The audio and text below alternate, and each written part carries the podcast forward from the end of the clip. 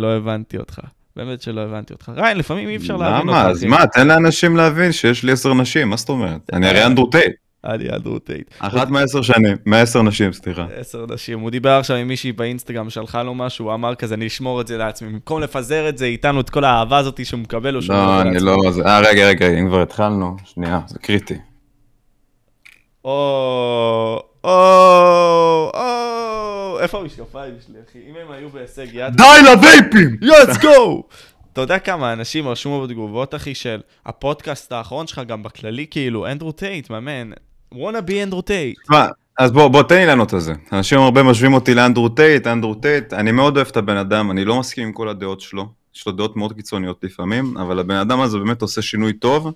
ואני חושב שרוב הגברים פה שבאמת רוצים להיות משהו ובאמת להיות משמעותיים, צריכים להקשיב לו. כי הוא אומר פה דברים נכונים שהם קשים לשמיעה, שהשפיעו עליי ברמה מטורפת, אחי. אני מאוד אוהב את הבן אדם. כמו מה בדיוק? כל הדעות שלו, שאתה יודע שהחיים קשים, שזה לא מוטיבציה, שאתה צריך לעבוד קשה, הוא גם עבר הרבה דברים בחיים, הוא הגיע ממקום רדוד ונמוך, שזה משהו שגם אני מזדהה איתו.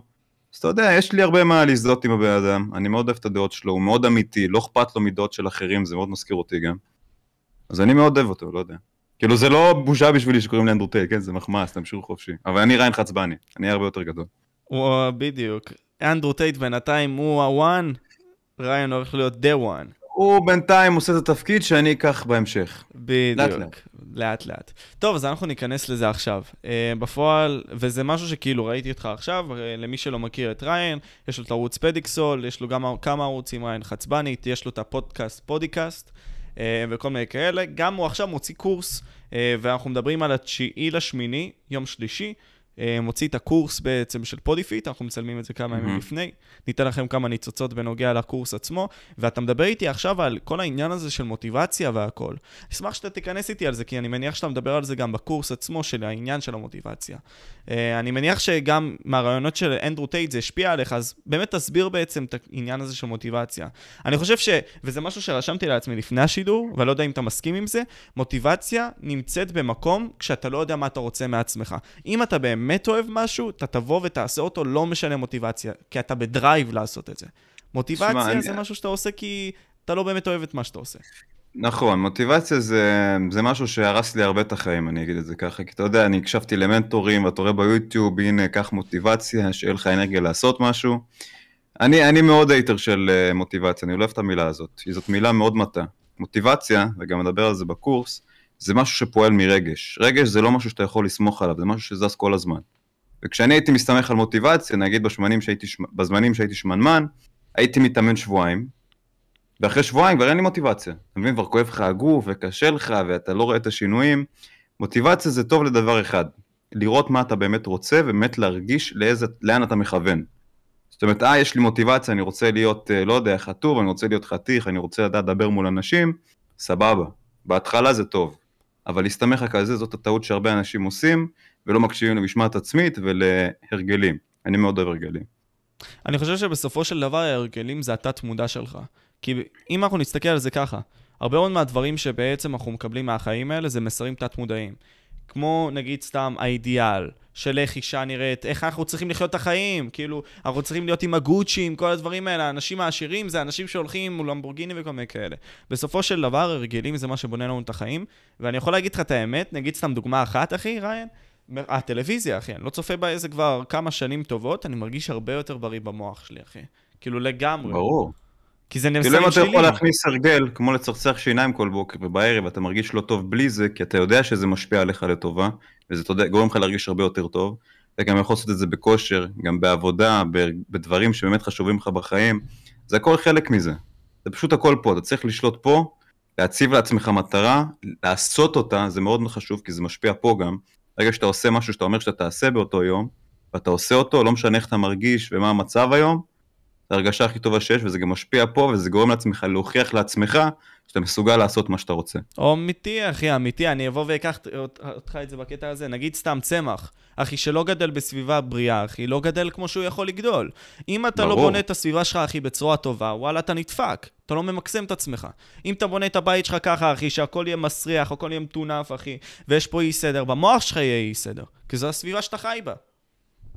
חייב, הסביבת האנשים זה אחד הדברים הכי קריטיים אה, בהשפעה עליך, אבל גם אני מדבר פה על הלבד, כאילו תהיה עם עצמך, ואם אתה לבד עם עצמך, תדע להיות uh, ממושמע לעצמך ולמטרות שלך. אל תאכזב את עצמך, זה מה שאני עושה. אז תסביר על זה, אוקיי, עכשיו אנחנו באים ומדברים על הבן אדם עצמו. המוח שלו זה 24-7, אחי. תסביר לי כאילו את ההשפעה הזאת של באמת להיות לבד אה, עם עצמך, ברגעים האלה, שאין רעשים, אין טיק טוק, אין כלום, רק אתה לבד, אחי, עם המוח שלך.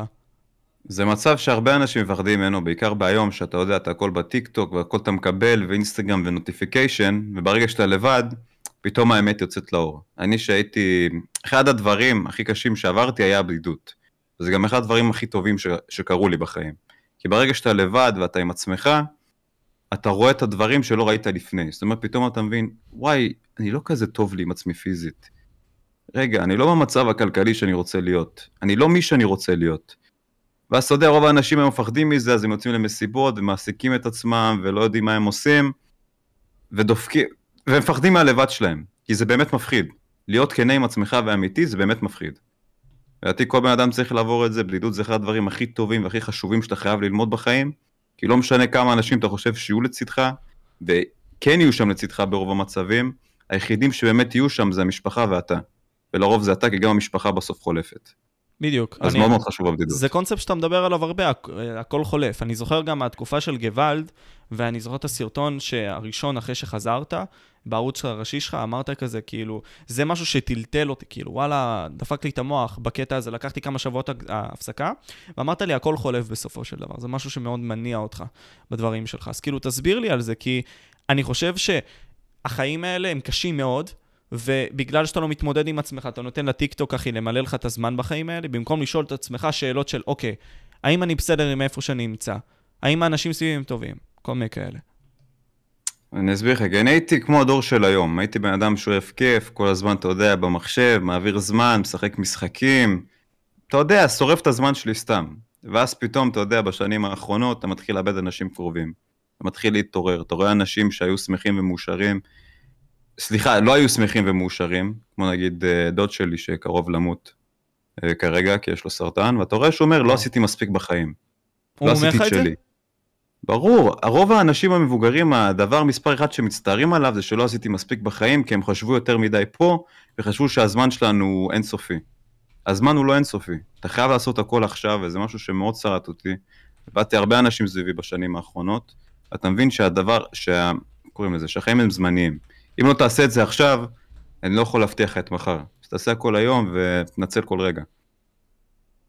תנצל כל רגע. גם עוזר בדייטים, גם עוזר עם בחורות, הרבה אנשים מפחדים מבחורות. אם אני אתחיל איתה, מה היא תגיד, מה היא תעשה? כאילו, מה אתה מעדיף? לבוא ולשבת בבית עם עצמך ולאכול את עצמך, מה היא תגיד ומה היא הייתה אומרת, במקום ללכת ולקבל תשובה, גם אם היא שלילית, ולהרגיע את הנפש שלך ולדעת שניסיתי, קיבלתי תשובה, אוקיי, זה לא.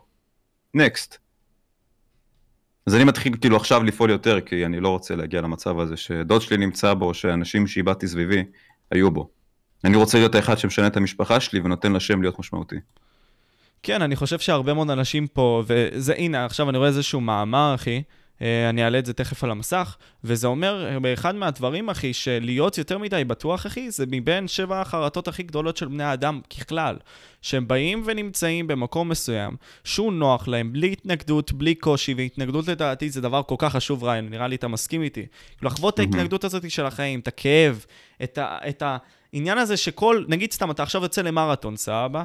ואתה רוצה לעבור את ה-10 קילומטר. לא כולם יבואו ויעברו את ה-10 קילומטר האלה. מי שיבוא ויעבור את ההתנגדות, הוא זה שיקבל ככל הנראה את המעבר הזה של ה finish. ומעטים יעשו את זה. אבל אתה יכול לעשות את זה. ואני אגיד לך גם למה, כי המעטים האלה מבינים שסבל וכאב משנה אותם ומביא אותם לשינוי שהם רוצים. וזה משהו שאנשים נמנעים ממנו. הם מפחדים לקחת סיכונים, מפחדים לסבול, מפחדים שיכאב להם, ולצ... ולצערי החיים לא עובדים ככה. החיים כואבים, החיים מצערים, החיים מאוד מאוד גרועים, אתה הולך לאבד אנשים, אלוהים יודע מה יכול, מה, מה יכול לקרות מחר, תסתכל על העולם סביבך ומה שקורה, אחי, החיים לא תותים. אם אתה לא תתחזק ותדע לקחת את הדברים הקשים האלה, כי להגיע למטרות שלך זה לעבור הרבה קשיים וסבל, והרבה ויתורים, שאתה צריך להתגבר עליהם ולהמשיך הלאה, והרבה נפילות, וזה החלק הכי חשוב בחיים, אחי, להמשיך הלאה, להמשיך קדימה. להמשיך הלאה, להמשיך קדימה, זה חזק, אוקיי. בוא, בוא נפרק את זה. בוא, בוא ניתן עכשיו את הנקודת מבט הזאת של הבן אדם, שהוא לפני השינוי הזה, אחי, לפני, לפני המצב שבו אתה נמצא עכשיו, ריין. הוא אמר, אוקיי, אתה אומר לי עכשיו, אמ, לא לבוא וכל הזמן לעשות וכל מיני כאלה, אבל אני רוצה לחשוב לפני שאני עושה, אחי. כאילו, יש הרבה מאוד קשיים בחיים האלה, למה שאני אבוא ואקח סתם סיכונים, אחי? כאילו, למה שאני אבוא ואעשה את זה לעצמי? כאילו, זה מפחיד לקחת סיכון, למה שאני אעשה אותו? אתה רוצה להיות טוב, אתה רוצה להיות הגרסה הטובה שלך, אתה חייב לקחת סיכונים. אם לא תיקח את הסיכון ותנסה לקחת סיכון במשהו שאתה רוצה לעשות ולהתנסות בו, לאן תתקדם, תגיד לי? אתה מעדיף לשבת ולהסס, או לשבת ולעשות? בחירה בידיים שלך. כי רוב האנשים שגדולים כרגע, ואנשים שעשו באמת שינויים, אנשים שהקריבו הרבה בשביל להגיע למצב הזה. שלקחו את הסיכונים האלה, שלאף אחד אחר לא היה אומץ לעשות. אני אוהב שקוראים לי משוגע. שאומרים לי, תראו אותו איך הוא עף על עצמו ואיך הוא חש את עצמו, כי זה אומר שאני עושה משהו שהרבה אנשים לא עושים, שאני שונה. וזה מה שאני מחפש להיות. שונה. אני חושב שזה מה שכל בן אדם פה צריך להיות. אני חושב שבסופו של דבר כשאתה לוקח סיכון ואתה יוצא מהתלם הזה שרוב האנשים בו נמצאים, של המסיבות, של הכל, אתה פתאום חווה משהו שמעטים חווים. אבל זה העניין, זה למה שאנחנו מכוונים. אנשים פה אומרים, אני רוצה להיות מיליונר, אני רוצה להיות מיליארדר, אבל אף אחד לא רוצה לעשות את הדרך הזאת בשביל להגיע לשם, כמו שאותם אנשים, אנשים עשו. הבעיה גם באנשים האלה, גם במה שאתה אומר, אני רוצה להיות ולא אני אהיה מיליונר. אתה צריך באמת להאמין במה שאתה רוצה להיות ומה שאתה רוצה לעשות, ורק ככה אתה באמת תשיג את זה. להגיד אני רוצה, זאת אומרת שיש בך עדיין איזשהו פקפוק מסוים, שאולי אני לא אצליח לעשות את זה. כשאתה אומר אני אהיה מיליונר, זה שוב, זה גם משפיע פה, משפיע על מנטליות. מאוד מאוד חשוב לשנות את המילים שאתה אומר ואיך אתה אומר אותם, זה, לפחות אצלי זה מאוד קריטי. שאני הייתי, לפני שהייתי יוטיובר, אתה יכול לשאול כל בן אדם, אפילו את אמא שלי, לא אמרתי לה אני רוצה להיות יוטיובר, אמרתי לה אני אהיה יוטיובר. לכל בן אדם, לכל חבר, לכל האנשים שהיו סביבים, בסוף הצלחתי. למה? כי השפעתי פה בסוף, כי אני אומר אני אהיה, אני אהיה, אני אהיה, ולא משנה מה קורה, ובגלל שהיה לי הרגלים נכונים, והיה לי מעבר למוטיבציה, הצלחתי להשיג את זה. אני אתן לך את זה בתור פאנץ' מסוים. אה, קובי בריינט, זיכרונו לברכה, באיזשהו ראיון שהוא עשה עם valuetainment, בא ואמר משהו בסגנון הזה, שכדורסל, מהרגע הראשון שידעתי שזה שלי, אוקיי, אז בניתי את העולם סביב זה. כל הסרטים, כל הסדרות, כל הדברים שחוויתי, כל האנשים שהייתי סביבם, היו סביב הדבר הזה, אז בסופו של דבר, בגלל הדבר הזה, בגלל שהצבתי שהמטרה הגדולה זה כדורסל ולהצליח בדברים שאני אעשה, העולם נעשה הספרייה הפרטית שלי, אחי, להצלחה. ובסופו של דבר, אתה אומר לי עכשיו, ריין, אני אהיה. לא אני רוצה להיות, אני אהיה. אז אתה בוחר לחיות את זה בתור שגרת חיים, אחי. מעטים לוקחים ברור. את הסיכון הזה. כי אנשים מפחדים להרגיש משוגעים, מפחדים שישפטו אותה. הם לא מאמינים בעצמם מספיק. אני מאוד מאמין בזה, אחי. נגיד סתם, אתה באת ודיברת איתי על העניין הזה של השפה. זה קונספט של NLP, כאילו, אתה בעצם יכול להגדיר דרך השפה שלך סיפור אחר. אבל נגיד סתם, גם ב-NLP קונספט אחר, אחי, שהוא גם עובד, זה לקחת, אחי, מצליחים ולנסות לחקות את מה שהם עושים. ו fuck, יש לי אזעקה, אחי. יש לך אזעקה עכשיו? כן, כן. טוב, תרוץ, תרוץ תמיד. כן, אז חזרנו מהאזעקה, that was fast. אה, דיברנו על modeling. ועצם העובדה שנגיד סתם, אתה לוקח עכשיו את הבן אדם העשיר הזה, נגיד, אה, יש פה הרבה, הרבה מאוד אנשים שינסו לחקות אולי את מוחמד עלי, את אה, אנדרו טייט, את טופאק, אחי. נגיד סתם, בס, מתי שבאמת רציתי לפתח את עצמי, חיקיתי מימיקות של טופאק, איך שהוא הולך והכל, confidence והכל, וזה באמת עזר לי. כי אתה רואה את הגרסה הטובה שלך, חלק ממנו. מה שאתה באמת רוצה להיות, אתה מרגיש את זה בו. זה חשוב שיהיה לך מודלי חיקוי.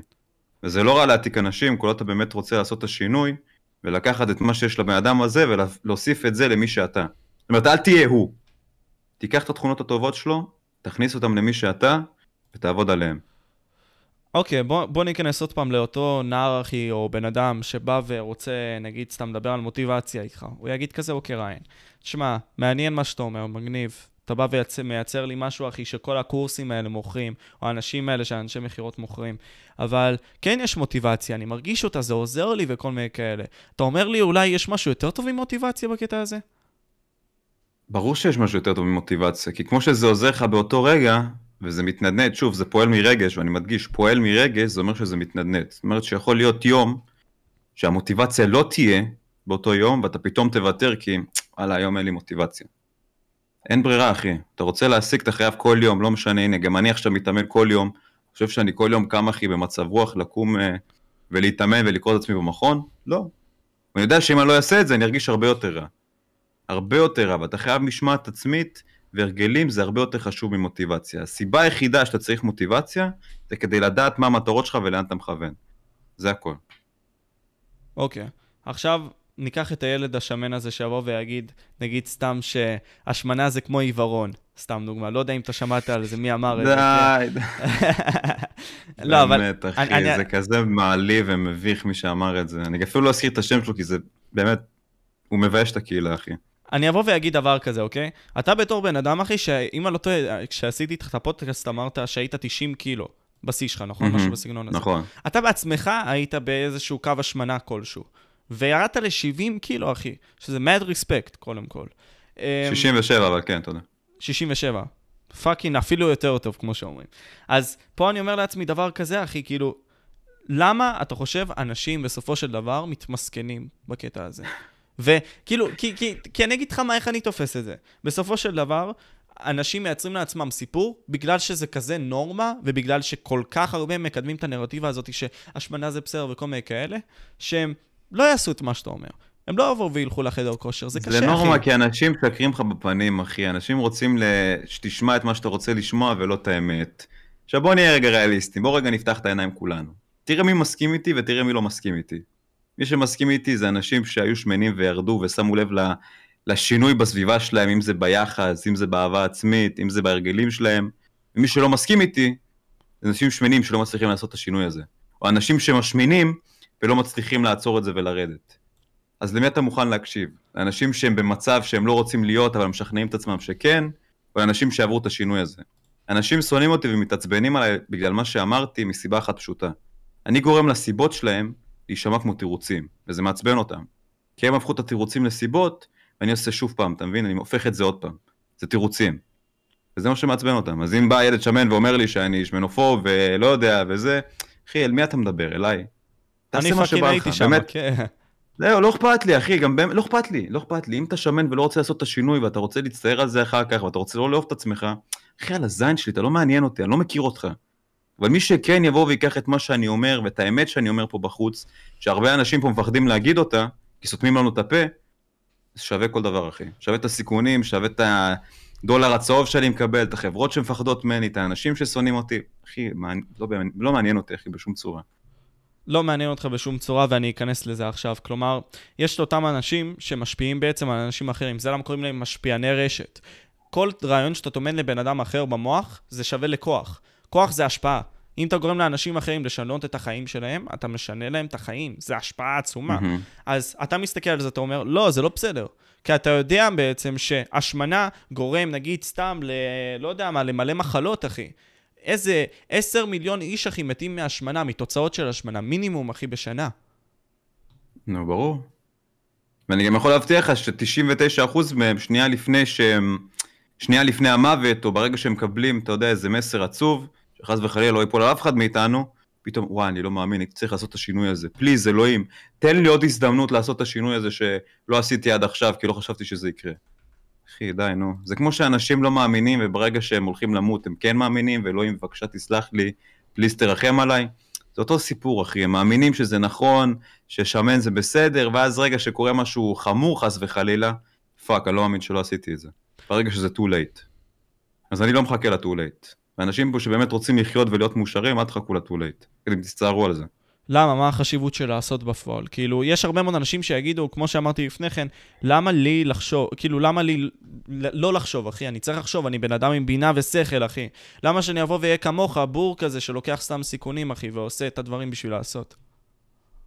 שמע, לחשוב זה סבבה, אבל אתה עדיין צריך לחשוב מעבר לחשיבה ולדעת אם המחשבה שאתה חושב, ומה שאתה מכוון אליו שגורם לך לחשוב, באמת שווה את זה. ברגע. שאתה חושב הרבה על משהו, זה אומר שאתה מפחד ממנו והוא מדאיג אותך. וזה גם אומר שזה צעד אחד לפני ההתקדמות שלך. כשאתה מפחד ממשהו, זה אומר שיש פה משהו שאתה מפחד להתקדם אליו. זאת אומרת שזה הולך לשנות לך משהו בחיים בצורה מסוימת. כי ברגע שאתה מתגבר על פחד, אתה משתנה. יש שתי מצבים בחיים שאנשים באמת משתנים. כשהם ממש מפחדים, והם מתגברים על הפחד, וכשממש כואב להם. באחד מהשתי מצבים האלה, אנשים עושים את השינוי הכי גדול שלהם. אז אם אתה ממש מפחד ממשהו, ואתה ממש חושב, וזה ממש מד- מדאיג אותך, תעשה אותו. זה ישנה אותך, אתה תשתנה. כי בסופו של דבר אתה מנסה לעבור התנגדות, אחי, אתה מנסה לעבור קיר, אתה מנסה ברור. לעבור קושי, אחי. לא סתם אתה מפחד מהמשהו הזה. שוב, אני מדבר בכוונה טובה, לא אם בן אדם מכוון עליך אקדח ואתה מפחד, פתאום תתנפל עליו. אל, תהיה, אל תהיו סתומים. אבל פחדים שאתה מבין, נגיד לגשת לבחורה, משקולות, חדר כושר, אני מפחד מה אנשים יגידו, אני מפחד איך אנשים יסתכלו. תלך, אתה תבין שזה לא כזה גרוע, קח את הסיכונים, אתה תחיה חיים טובים, אחי, זה שווה את זה. אתה יודע, בוא ניקח לי עכשיו איזשהו סטיקר, אחי, שהיה רשום לי פה, שאני מדביק לעצמי, אוקיי? וזה מספר של אלכסנדר הגדול, אחי. רשום פה, כל ארץ, כל גבול שאני חוצה, אני מוריד עוד אשליה. בסופו של דבר, נכון. כל, כל דבר שאתה עושה, שהוא מעבר לסף כאב שלך, מעבר לפחד, מעבר להכל, שאתה בא ועובר, אתה בסופו של דבר מוריד עוד אשליה שנבנית לך במוח. נגיד סתם, אתה אומר לעצמך, אוקיי, אני רוצה נגיד סתם לראיין את ביבי, אוקיי? מה הדרך לעשות את זה?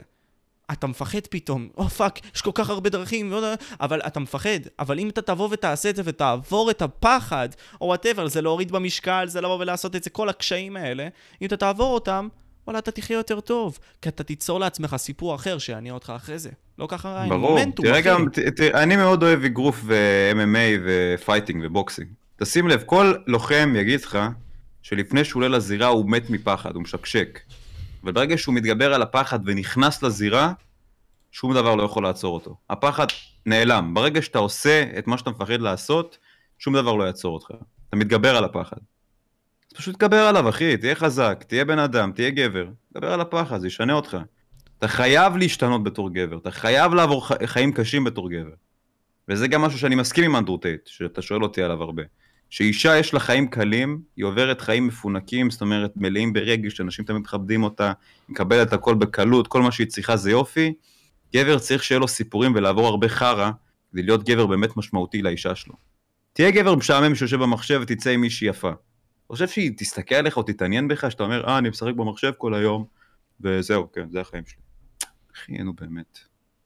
צריך לא ישנה שום דבר. צריך לחוות סיפורים, כל, הכל בסופו של דבר זה סיפורים. אתה צריך לעבור טראומות, אתה צריך לעבור קשיים, אתה צריך לעבור סבל בחיים שלך, אתה צריך לדעת, אתה יודע, שיהיה לך סיפורים, לבנות עצמך. הרי אם מי שאתה היום נבנה מהטראומות שלך, לא משנה מה עברת ומה חווית, הבן אדם שאתה היום, הבן אדם החזק הזה, לא היה נבנה בלי הדברים שעברת. אמת. אל תצטער על שום דבר. אמת, אחי, זה מומנטום. מומנטום בסופו בוא. של דבר, אחי. הסיפור שאתה מספר לעצמך זה מה שמניע אותך בבוקר בסופו של דבר. אני חושב שהרבה מאוד אנשים לא מסתכלים על מומנטום ככה. להחמיא לעצמם, אוקיי, בא ואני עושה משהו, כן, או אני מתקדם. אוקיי, let's go, אני בדרך הנכונה. מעטים מהאנשים שאומרים לעצמם את זה. כולם מפחד, רוצים לשמוע את זה מהסביבה, אחי. באים ומפזרים את הקול שלהם לסביבה, אבל לא לעצמם רק. אתה מבין? זאת הבעיה לדעתי. אנחנו mm-hmm. כל כך רוצים, אחי, להשמיע את הקול שלנו, אחי, ברשתות החברתיות, לזה שוואו, עכשיו באתי ועשיתי את זה, אבל אנחנו לא אומרים לעצמנו, קודם כל, שהצלחנו, נכון. שעשינו משהו טוב. אם באמת עשית משהו שאתה גאה בו, אתה צריך לבוא, אתה באמת תבוא ותשוויץ על זה במדיה? לא, אחי. מי שמשוויץ במדיה זה, אנש, זה בן אדם שמנסה להוכיח לעצמו שהוא באמת משהו. אתה מבין? נגיד, יש מלא, דבר, מלא 아, דברים גם, שאתה עושה. אני גם לא מאמין בדבר כזה טעויות. אנשים אומרים טעויות. אין טעויות בחיים, אחי. כל מה שעברת זה שיעורים, זה למידה. לא טעיתי בחיים, אחי. אל תבוא ותגיד, שיט, עשיתי טעות. וזה קרה אתמול. אתה סתם גורם למוח לחשוב יותר מדי ולהגיד, אה, יכלתי לשנות וזה. למדתי. עברתי שיעור אתמול. סבבה, אז לא הלך טוב. למדתי, אני יודע פעם הבאה להשתפר.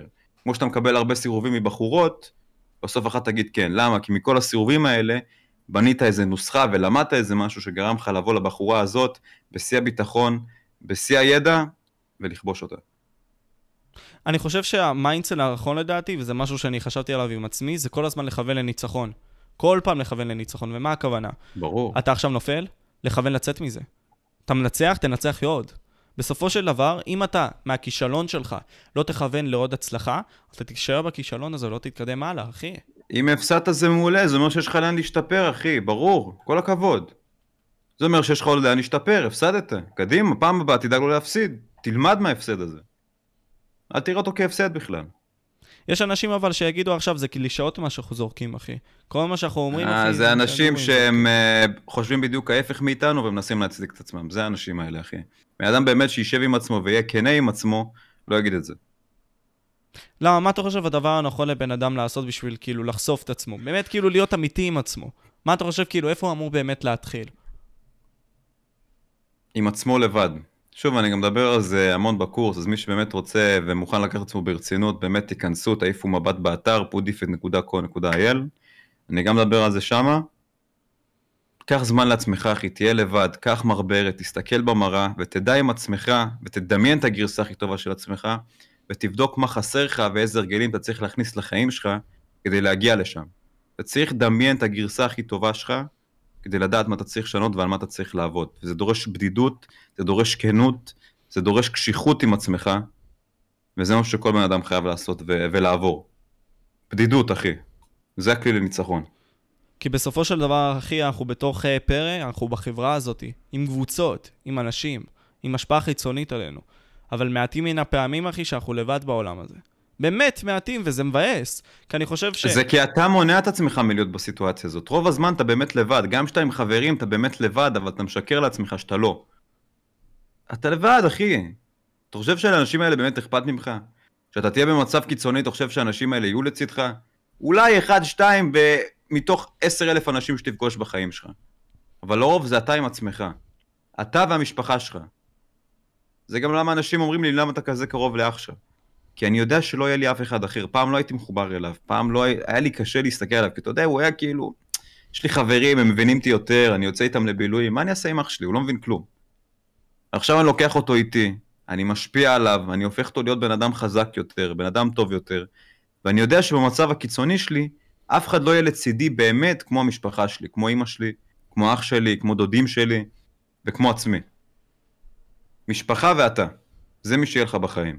למה אתה מרגיש שנגיד סתם האנשים שסביבך, הרבה מאוד מהם זה אנשים שרוצים אינטרס כלשהו ממך. תשמע, בסופו של דבר זה ככה נראה לי, לא? אם אין לך אינטרס מהבן אדם ומשהו ללמוד ממנו, אז למה אתה צריך אותו? חייב שיהיה להם אינטרס ממני ולי יהיה אינטרס מהם. כי ככה אנחנו מתחזקים, ככה אנחנו מתגברים ביחד. אם הבן אדם, כל מה שהוא יכול לבוא לעשות ו- ולעשות זה להצחיק אותי או להביא לי שתייה, אתה באמת מועיל לי במשהו? אחי, אין לי שום אינטרס פה. אם הבן אדם יכול ללמד אותי, זה בן אדם שרוצה לעשות מיליונים. גם אם הבן אדם יש לו mindset טוב, שרוצה להשתפר ולהשקיע ולהיות מיליונר, זה מספיק אינטרס בשבילי. אני יודע שאם אני אשב איתו ואם אני אצטרך משהו, הוא יהיה פה ויעזור לי. יש לו משהו להציע לי, כמו שלי יש משהו להציע לו, אם זה יוטיוב, אם זה שיווק, אם זה מוטיבציה, אם זה מנטליות נכונה. אני יודע שיש לי אינטרס מסוים לתת, אני רוצה שאנשים לצידי יהיה להם גם אינטרס לתת לי. רק ככה אנחנו נתחזק ונעלה למעלה. וואו, זה אם חזק, אין לך אינטרס. לתת לי, בזבוז זמן, אחי. זה חזק. אני, אני אגיד לך את זה מאיך אני רואה את זה, בסביבה הכי פשוטה שיש. למה שאנשים ייתנו לך הזדמנות אם אין לך משהו להציע להם, בסופו של דבר? לא תמיד ברור. זה עובד ככה, אבל אתה צריך שיהיה לך משהו שיהיה, נגיד סתם negotiable איתם, שאתה תבוא כולנו ותתווכח. אינטרסנטים, אחי, ברור, זה חשוב להיות אינטרסנט. אתה חייב אנשים שיעצימו אותך במקום מסוים. ברור, אתה נגיד... יודע מה, גם, גם אם זה חבר מצחיק, עדיין יש פה אינטרס מסוים. זה בן אדם שעוזר לך לעבור קשיים, שנמצא לצדך ומצחיק אותך, זה עדיין אינטרס. הכל זה אינטרסים בעולם.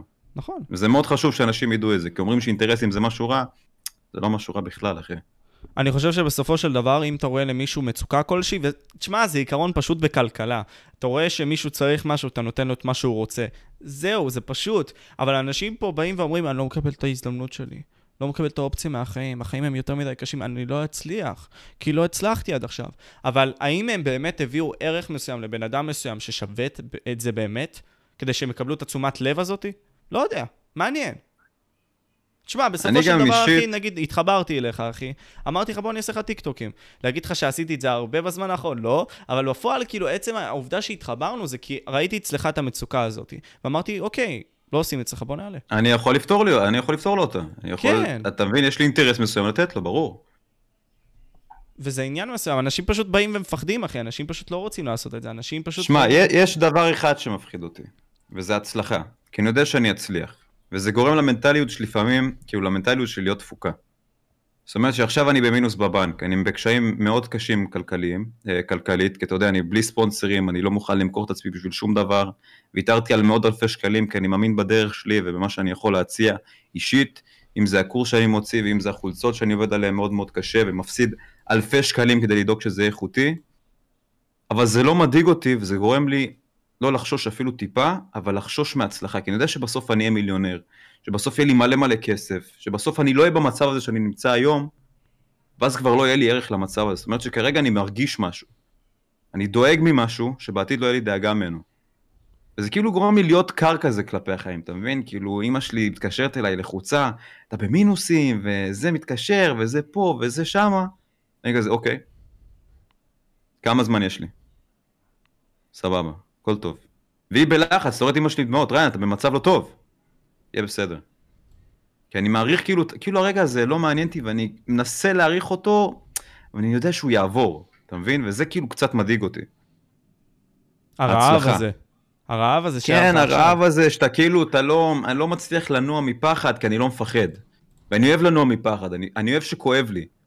אני מהפסיכים האלה, תן לי שיכאב לי, כי אז זה נותן לי להתאמן יותר חזק. זה נותן לי יותר drive, כי במקום להתעצבן ולקחת את הפחד הזה למקום של עכשיו, אוף, אני קשה לי, אני יושב פה ובוכה, אני לוקח את האנרגיה הזאת ואני תמיד שם אותה במשהו. זאת אומרת, עכשיו אני מפחד, אז אני אנוע יותר קדימה. אני אתאמן יותר קשה. אני אשתנה יותר. ואין לי את הפחד הזה, כי אני כל כך מאמין בעצמי כבר, שזה כבר מדאיג, נגיד את זה ככה. זה הכל הסיפור שאתה מספר לעצמך, עוד פעם, אנחנו חוזרים לזה. זה הכל סיפורים. נגיד, כל מילה שאני מוציא מהפה זה סיפור שיש לי בראש, אחי. כל מה שאנחנו אומרים עכשיו בפועל זה סיפור. כל זה סיפורים. אז זה השאלה היא, ונראה לי אתה חידדת את זה עכשיו, אחי, זה הכל סיפור שאנחנו מספרים לעצמנו. בוא נספר את הסיפור הנכון לנו. בוא נבין מי אנחנו, אחי. אני גם אשאל אותך שאלה כזאת. בן אדם שהוא משקר כל יום את אותו שקר, האם הוא באמת שקרן? בן אדם שכל יום מאמין בשקר שלו ואומר לך את אותו שקר. לא, הוא לא שקרן, זה הופך לאמת שקרן? שלו, אחי. יפה מאוד. הרבה אנשים כאילו שואלים אותי איך אני טוב עם בחורות ואיך אני לא נלחץ, כי אני משקר לעצמי שאני כל כך טוב עם בחורות שזה לא מדאיג אותי. שיש לי כל כך הרבה אופציות חוץ ממנה. זה שקר, אבל אם אתה מכניס אותו כל יום, כל יום, כל יום, בסוף זה הופך לאמת ואתה באמת הופך להיות השקר הזה. תשמע, אני חושב זה ש... גם כלי מאוד חשוב. נכון, זה כלי מאוד חשוב. נגיד סתם רומן זדורוב, אחי, עשה את זה לגמרי לעצמו, אם אנחנו עכשיו ניקח את זה. בא ושכנע את עצמו בשקר של עצמו, בגלל שכל כך הרבה, אחי, הכריחו אותו להגיד את הדברים האלה. אם אתה תכריח את עצמך לספר את הסיפור הזה לעצמך, אולי אתה תגיע למקום שמעטים הגיעו אליו, אחי. אתה תגיע למקום שמעטים יגעו אליו. שב מול המראה, תחזור, גם אני פעם הייתי עושה את זה, הייתי משפט כזה מסוים, כי כל פעם אומר בדרך לאירוע או למשהו, אני בעל ביטחון עצמי גבוה ואני יותר טוב מכולם. שאני מצחיק, טוב, יפה ויותר טוב מכולם. כל פעם הייתי חוזר על זה. בהתחלה אתה לא מאמין, ריין, אתה חי בסרט, נו באמת, אתה לא כזה, אתה חי את זה, ואז כל יום, כל יום שאתה אומר את זה, אתה באמת הופך להיות הבן אדם הזה. אתה מתחיל, אתה באמת מאמין בזה. אתה שומע את זה כל יום. בגלל זה גם למה, זה גם למה הסביבה מאוד משפיעה עליך. כי זאת סביבה שנמצאה סביבה הרבה. וכמה שתגיד שזה לא משפיע עליך, עם הזמן זה בסוף כן ישפיע. תגיד לי מי החברים שלך, אני אגיד לך מי אתה. בדיוק. משפט קלאסי, אחי. וזה לוקח אותנו, נגיד סתם לגברים, אחי. אה, אני זוכר את הסרטון הראשון שלך, אה, כאילו בין הסרטונים הראשונים שלך ב-only fans בקטע הזה, עם, עם לסרי, זה שראית את ה-only fans שלה, וראית, את- המחירים, וכמה הם מקבלים, וכל מיני כאלה, אחי. ואני כזה, what the fuck, כאילו באותה תקופה, וזה היה לפני איזה שמונה, עשרה חודשים. עכשיו, מהמם. שאלתי את עצמי את השאלה הזאתי, כאילו, what the fuck, אחי, מה הפך ל... למה גברים כאלה חלשים היום, אחי? למה גברים לא, לא pulling the trigger? כי אנחנו נבנים לקהילה כזאת, מה זאת אומרת? אומרים לך, תהיה כל הפמיניזם הזה של גברים, זה בסדר, ועכשיו מעודדים את כל הלהט"בים, אין לי בעיה עם להט"בים. אבל יש לי בעיה שגורמים לזה להישמע כמו משהו כזה גדול, אתה מבין? כאילו, קבלו אותו, הוא הומו. תראו אותם איך הם יוצאים לבחוץ וחצי עירומים. כאילו, אתם באמת צריכים לצאת חצי עירומים בשביל שישימו לכם יחס? למה אתם כל כך רוצים יחס אם כל כך טוב לכם עם עצמכם? אני לא מבין את זה. ועכשיו שכחתי מה באתי להגיד. מה דיברנו לפני? לא, דיברנו על כל הקטע הזה, אחי, של אה, גברים, המקום שלהם בחברה. איפה הם איבדו אותו, אה, ואמרת על כן. הפמיניזם, אחי. כי היום אנשים לא צריכים לעבוד קשה כדי להשיג את מה שהם רוצים, וזה גורם לאנשים להיות עצלנים. זאת אומרת, אם אתה רוצה עכשיו לבוא ולעשות קניות, אתה פותח את הטלפון. אם אתה רוצה לחפש איזה משהו במקום ללכת לספרייה, אתה פותח את הטלפון. אתה רוצה להתחיל עם בחורה, אתה פותח את הפאקינג טלפון. גם אינטראקציה עם אנשים זה דרך הטלפון, וזה דופק את החברה, וגם היה לך עכשיו קורונה שנתיים, שתקע אנשים בבית וגרמה להם להתרגל לבדידות הזאת ולהיות לבד, שכל מה שמצאת זה היה דרך הטלפון, אחי, זה מקשה עליך. תש- שים לב להורים שלך, שים לב לאנשים של פעם, איזה חזקים הם מנטלית ואיזה קשה הם עובדים. כי לא הייתה להם ברירה. היום אנשים חושבים שכן יש להם ברירה. במקום מסוים זה נכון, במקום מסוים זה גם לא נכון. כי לפעמים אתה תהיה במצבים בחיים שלא תהיה לך ברירה, אלא לעשות משהו, ולעשות את הדבר הזה. פעם אחי, אתה חושב שאנשים שעבדו בחווה או הרימו, לא יודע, בטונים ובנו בתים, היה להם, רצו לעשות את זה? הם היו חייבים לעשות את זה. וזה השפיע עליהם מנטלית. שים לב לאבא שלך, שים לב לאנשים המבוגרים. אחי, הם מסתלבטים עלינו וצוחקים עלינו כי אנחנו קרובים לאבדון, אנחנו עצלנים. אנחנו לא יודעים לעבוד קשה. אתה אומר למישהו, בוא, תזרוק את- הזבל. לא, אני... הנה, יש לי אפליקציה של iRobot, שתבוא תרים את הזבל ותזרוק אותו. אחי, באמת, זה... העולם מידרדר פדי, פדי, פדי, פדופיל. סתם, סתם. what the fuck? מה הוא עושה פה? אנחנו באמצע פודקאסט, פדרו. סליחה, סליחה, סליחה. יאללה, אהוד. פדרו לדוגמה הוא fat fuck. אני איש מנופות כלפיו. אני שמן ואני לא נעלבתי כמו עידן אוחיון ממה שהוא אמר. דיברנו קטע על זה. ריאליסטי, חביבי. קטע ריאליסטי. יאללה. דיברתם על זה, זה יאללה. יהיה מעניין, יאללה, חבר'ה. יאללה, אוהב אותך, ניק. ביי. ביי, אחי. בקיצור, כן, interruptions בכל. מתרגשים לראות את אה, ממש. ריין פה. אה, איפה הייתי? כן, דיברנו על כל הקטע הזה של גברים בחברה. תשמע, בסופו של דבר, אחי, זה עניין של התנגדות.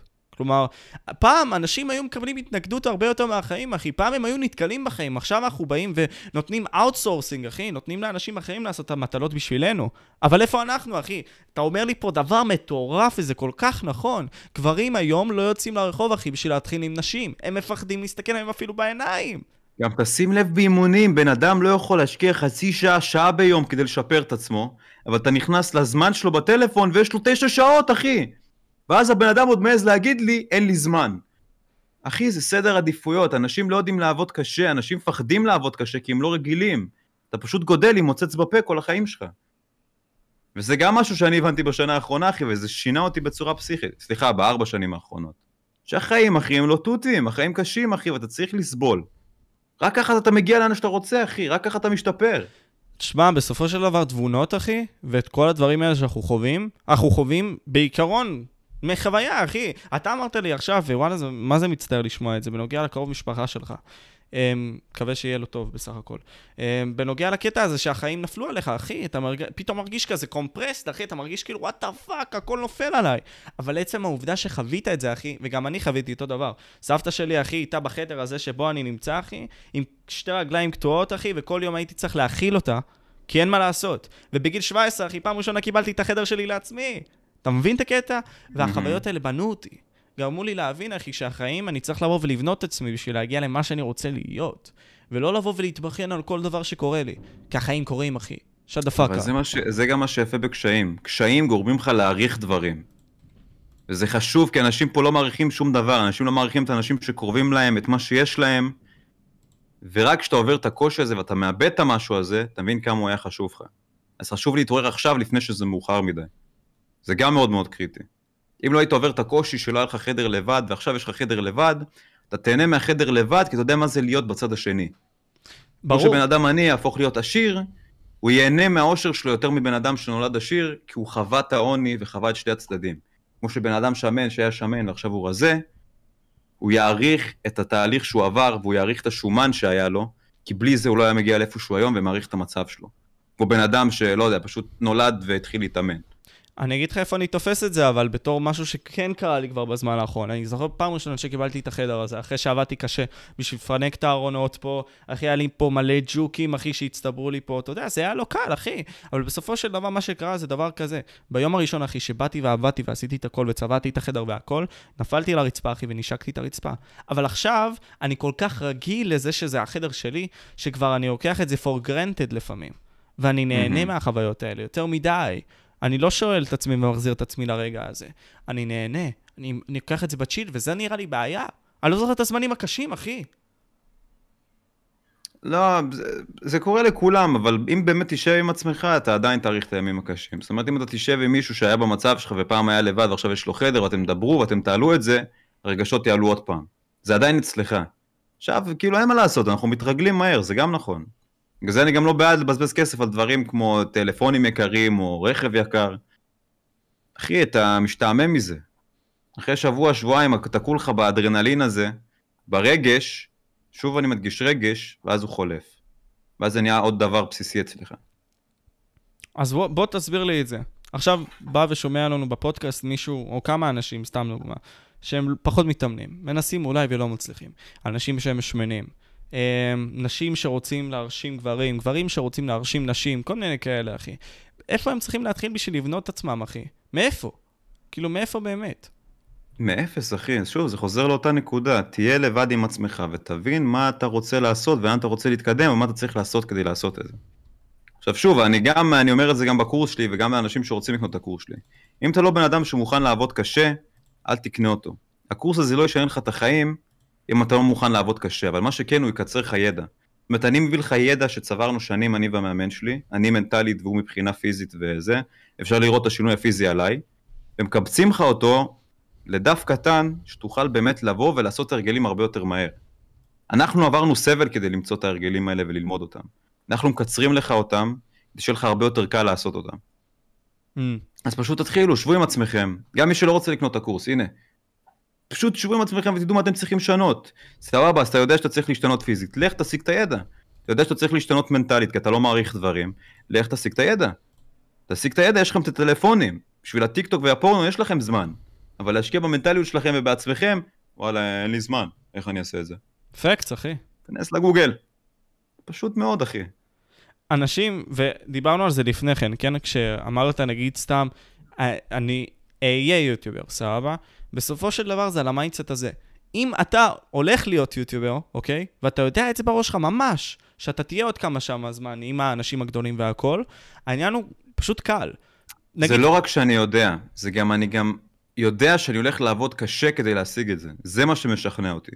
כשאני אומר אני אהיה יוטיובר, זה אומר שלא משנה מה קורה ומה יקרה, וקרו הרבה דברים בדרך, אני עדיין אגיע לשם, לא אכפת לי. וזה ההבדל.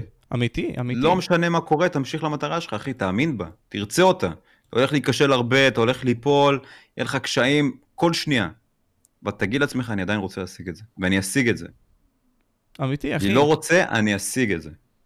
אז כשאתה משיג את זה, העניין הפשוט שנשאר לך, נגיד סתם אמרת עכשיו, אתם רוצים למצוא את השאלות, אוקיי, אז תשאלו את השאלות האלה. נגיד אתם רואים עכשיו את הבן אדם הזה שהוא אינפלואנסר, או את ריין שהוריד עד 67 קילו, נגיד סתם את כל הדברים שלו, אוקיי, איך נגיד סתם לאמן את הבטן? איך לעשות חזה? לרשום את זה, אחי, במנוע החיפוש של גוגל, של יוטיוב, ולראות את הדברים ולצרוך את זה במקום להיות פיצ'ס כאלה, שלא עושים כלום, וכל פעם מתלוננים ומתמסכנים, אחי. יש מלא כאלה, אתה שמת לב, זה מתמסכנים. הדבר הכי פשוט אה, להתמסכן ולהתלונן. ברור שהם ילכו על זה, זה הדבר הכי קל. אבל יש מלא שעושים את זה. היום. כאילו, זה כוח, אחי, נראה לי, להתמסכן. ברור, לשבת ולהתמסכן ולהתלונן ולא לעשות כלום כדי לשנות את זה ואתה עדיין מתלונן על זה, שמע, אתה בן אדם מיוחד, אחי, אספקט. לא יודע איך הצלחת להגיע למצב כזה, איך אתה חושב שזה הגיוני, אבל יפה שאתה מאמין בזה. כן, אמיתי, אבל את, החברה תומכת בזה. הם רואים מישהו שהוא נגיד סתם, לא יודע מה, שמן ממש, מוגזם, כל מיני כאלה, שהוא בא ובוכה על זה שהחברה לא מקבלת אותו והכל, והוא מקבל על זה mad respect. על זה שהוא בא ומתבכיין על זה שהוא שמן. אמרתי לך, כי אנשים צבועים, אנחנו חיים בעולם צבוע עכשיו. גם עכשיו, תשים לב למלחמה, אנשים הרבה בצד של הפלסטינים. למה? כי הם הרוב. הם רוב האנשים, הם הקהל היותר גדול. אז למרות שהם לא מסכימים איתם בהכרח, הם יהיו לצידם כי זה הדבר הכי טוב לעשות, ומרגיש הכי נכון, כי יש יותר קהל וזה... ורוב העולם בצד שלהם, אתה מבין? אז רוב האנשים מנסים להיות בצד של ה... אה, תהיה שמן, זה יפה וזה בסדר. וזה גורם להם להיש- להיראות בצד הטוב, למרות שכל בן אדם שרשם את זה לא יצא עם מישהו שמן, הוא ישכב עם מישהו שמן, וייתן לו יחס ראוי באמת. מה אתה חושב על הפוליטיקלי. קורקט בקטע הזה? שדי אחי, העולם אה, מחוק, המדיה שורפת לאנשים את המוח, אנשים משתנים כל פעם כדי להרגיש חלק מקהילה ולא באמת עומדים על האמת שלהם. ברגע שהרבה אנשים אומרים שמנים זה בסדר, שמנים וזה, וזה זה בסדר, יש לך 100 אנשים שאומרים זה בסדר, ואתה פתאום אחד שאומר שזה לא בסדר, אתה מרגיש לא טוב, אתה אומר אולי אני דפוק? אבל אתה צודק פה. זה שהם 100 לא אומר שהם צודקים. זה שהם 100 לא אומרים שהם צודקים, בארצות הברית זה 70 אחוז, אחי, שהם ב... או, או שמנים light, או שמנים מוגזם. אז הם משכנעים את. עצמם בסיפור שלהם, אחי. ברור, כי הם הרוב, חד משמעית. ואנשים יסכימו אותם כי הם הרוב, הם לא רוצים לקבל אה, hate, הם לא רוצים לקבל עכשיו אה, בראש כל הזמן על ימין ועל שמאל. לא כל אחד יכול להכיל את זה. אני יכול להבין למה אנשים נמנעים מזה, אבל אני אישית, אני... לא אכפת לי, אחי. יותר אכפת לי שאנשים פה באמת יתעוררו ויעשו שינוי, זה הדבר הכי קריטי. תשתנו, תשקיעו על החיים שלכם, החיים קצרים, תעבדו קשה. אל תפספסו את הרגע הזה. כי כשיהיה מאוחר מדי, אתם תצטערו שלא עשיתם. תשמע, יהיה מאוחר מדי. בסופו של דבר יהיו אנשים, אחי, שיסתכלו עליך, על גם דברים שעשית ביוטיוב, אחי. באת ואתה כמ- כמעט ולא, אתה בחצי חצי קלאץ' סוכנות בקטע הזה. אתה לקחת הרבה מאוד ריזיקות, אחי, בדברים שאתה עושה בלי קשר. בין אם זה גם ביוטיוב, אחי, גם בקשרים שאתה יוצר וגם בכל מיני כאלה, שאנחנו נוכל להיכנס אליהם במידה ואתה רוצה. אני פה אשאל את השאלה הזאת של, מה המטרה הזאת, אחי? כאילו, אתה בא, ובחלק מהמקרים אולי אתה שורף דברים מסוימים, עם אנשים מסוימים, בשביל להגיע אני לעולם... שורף הרבה. כמו, סתם.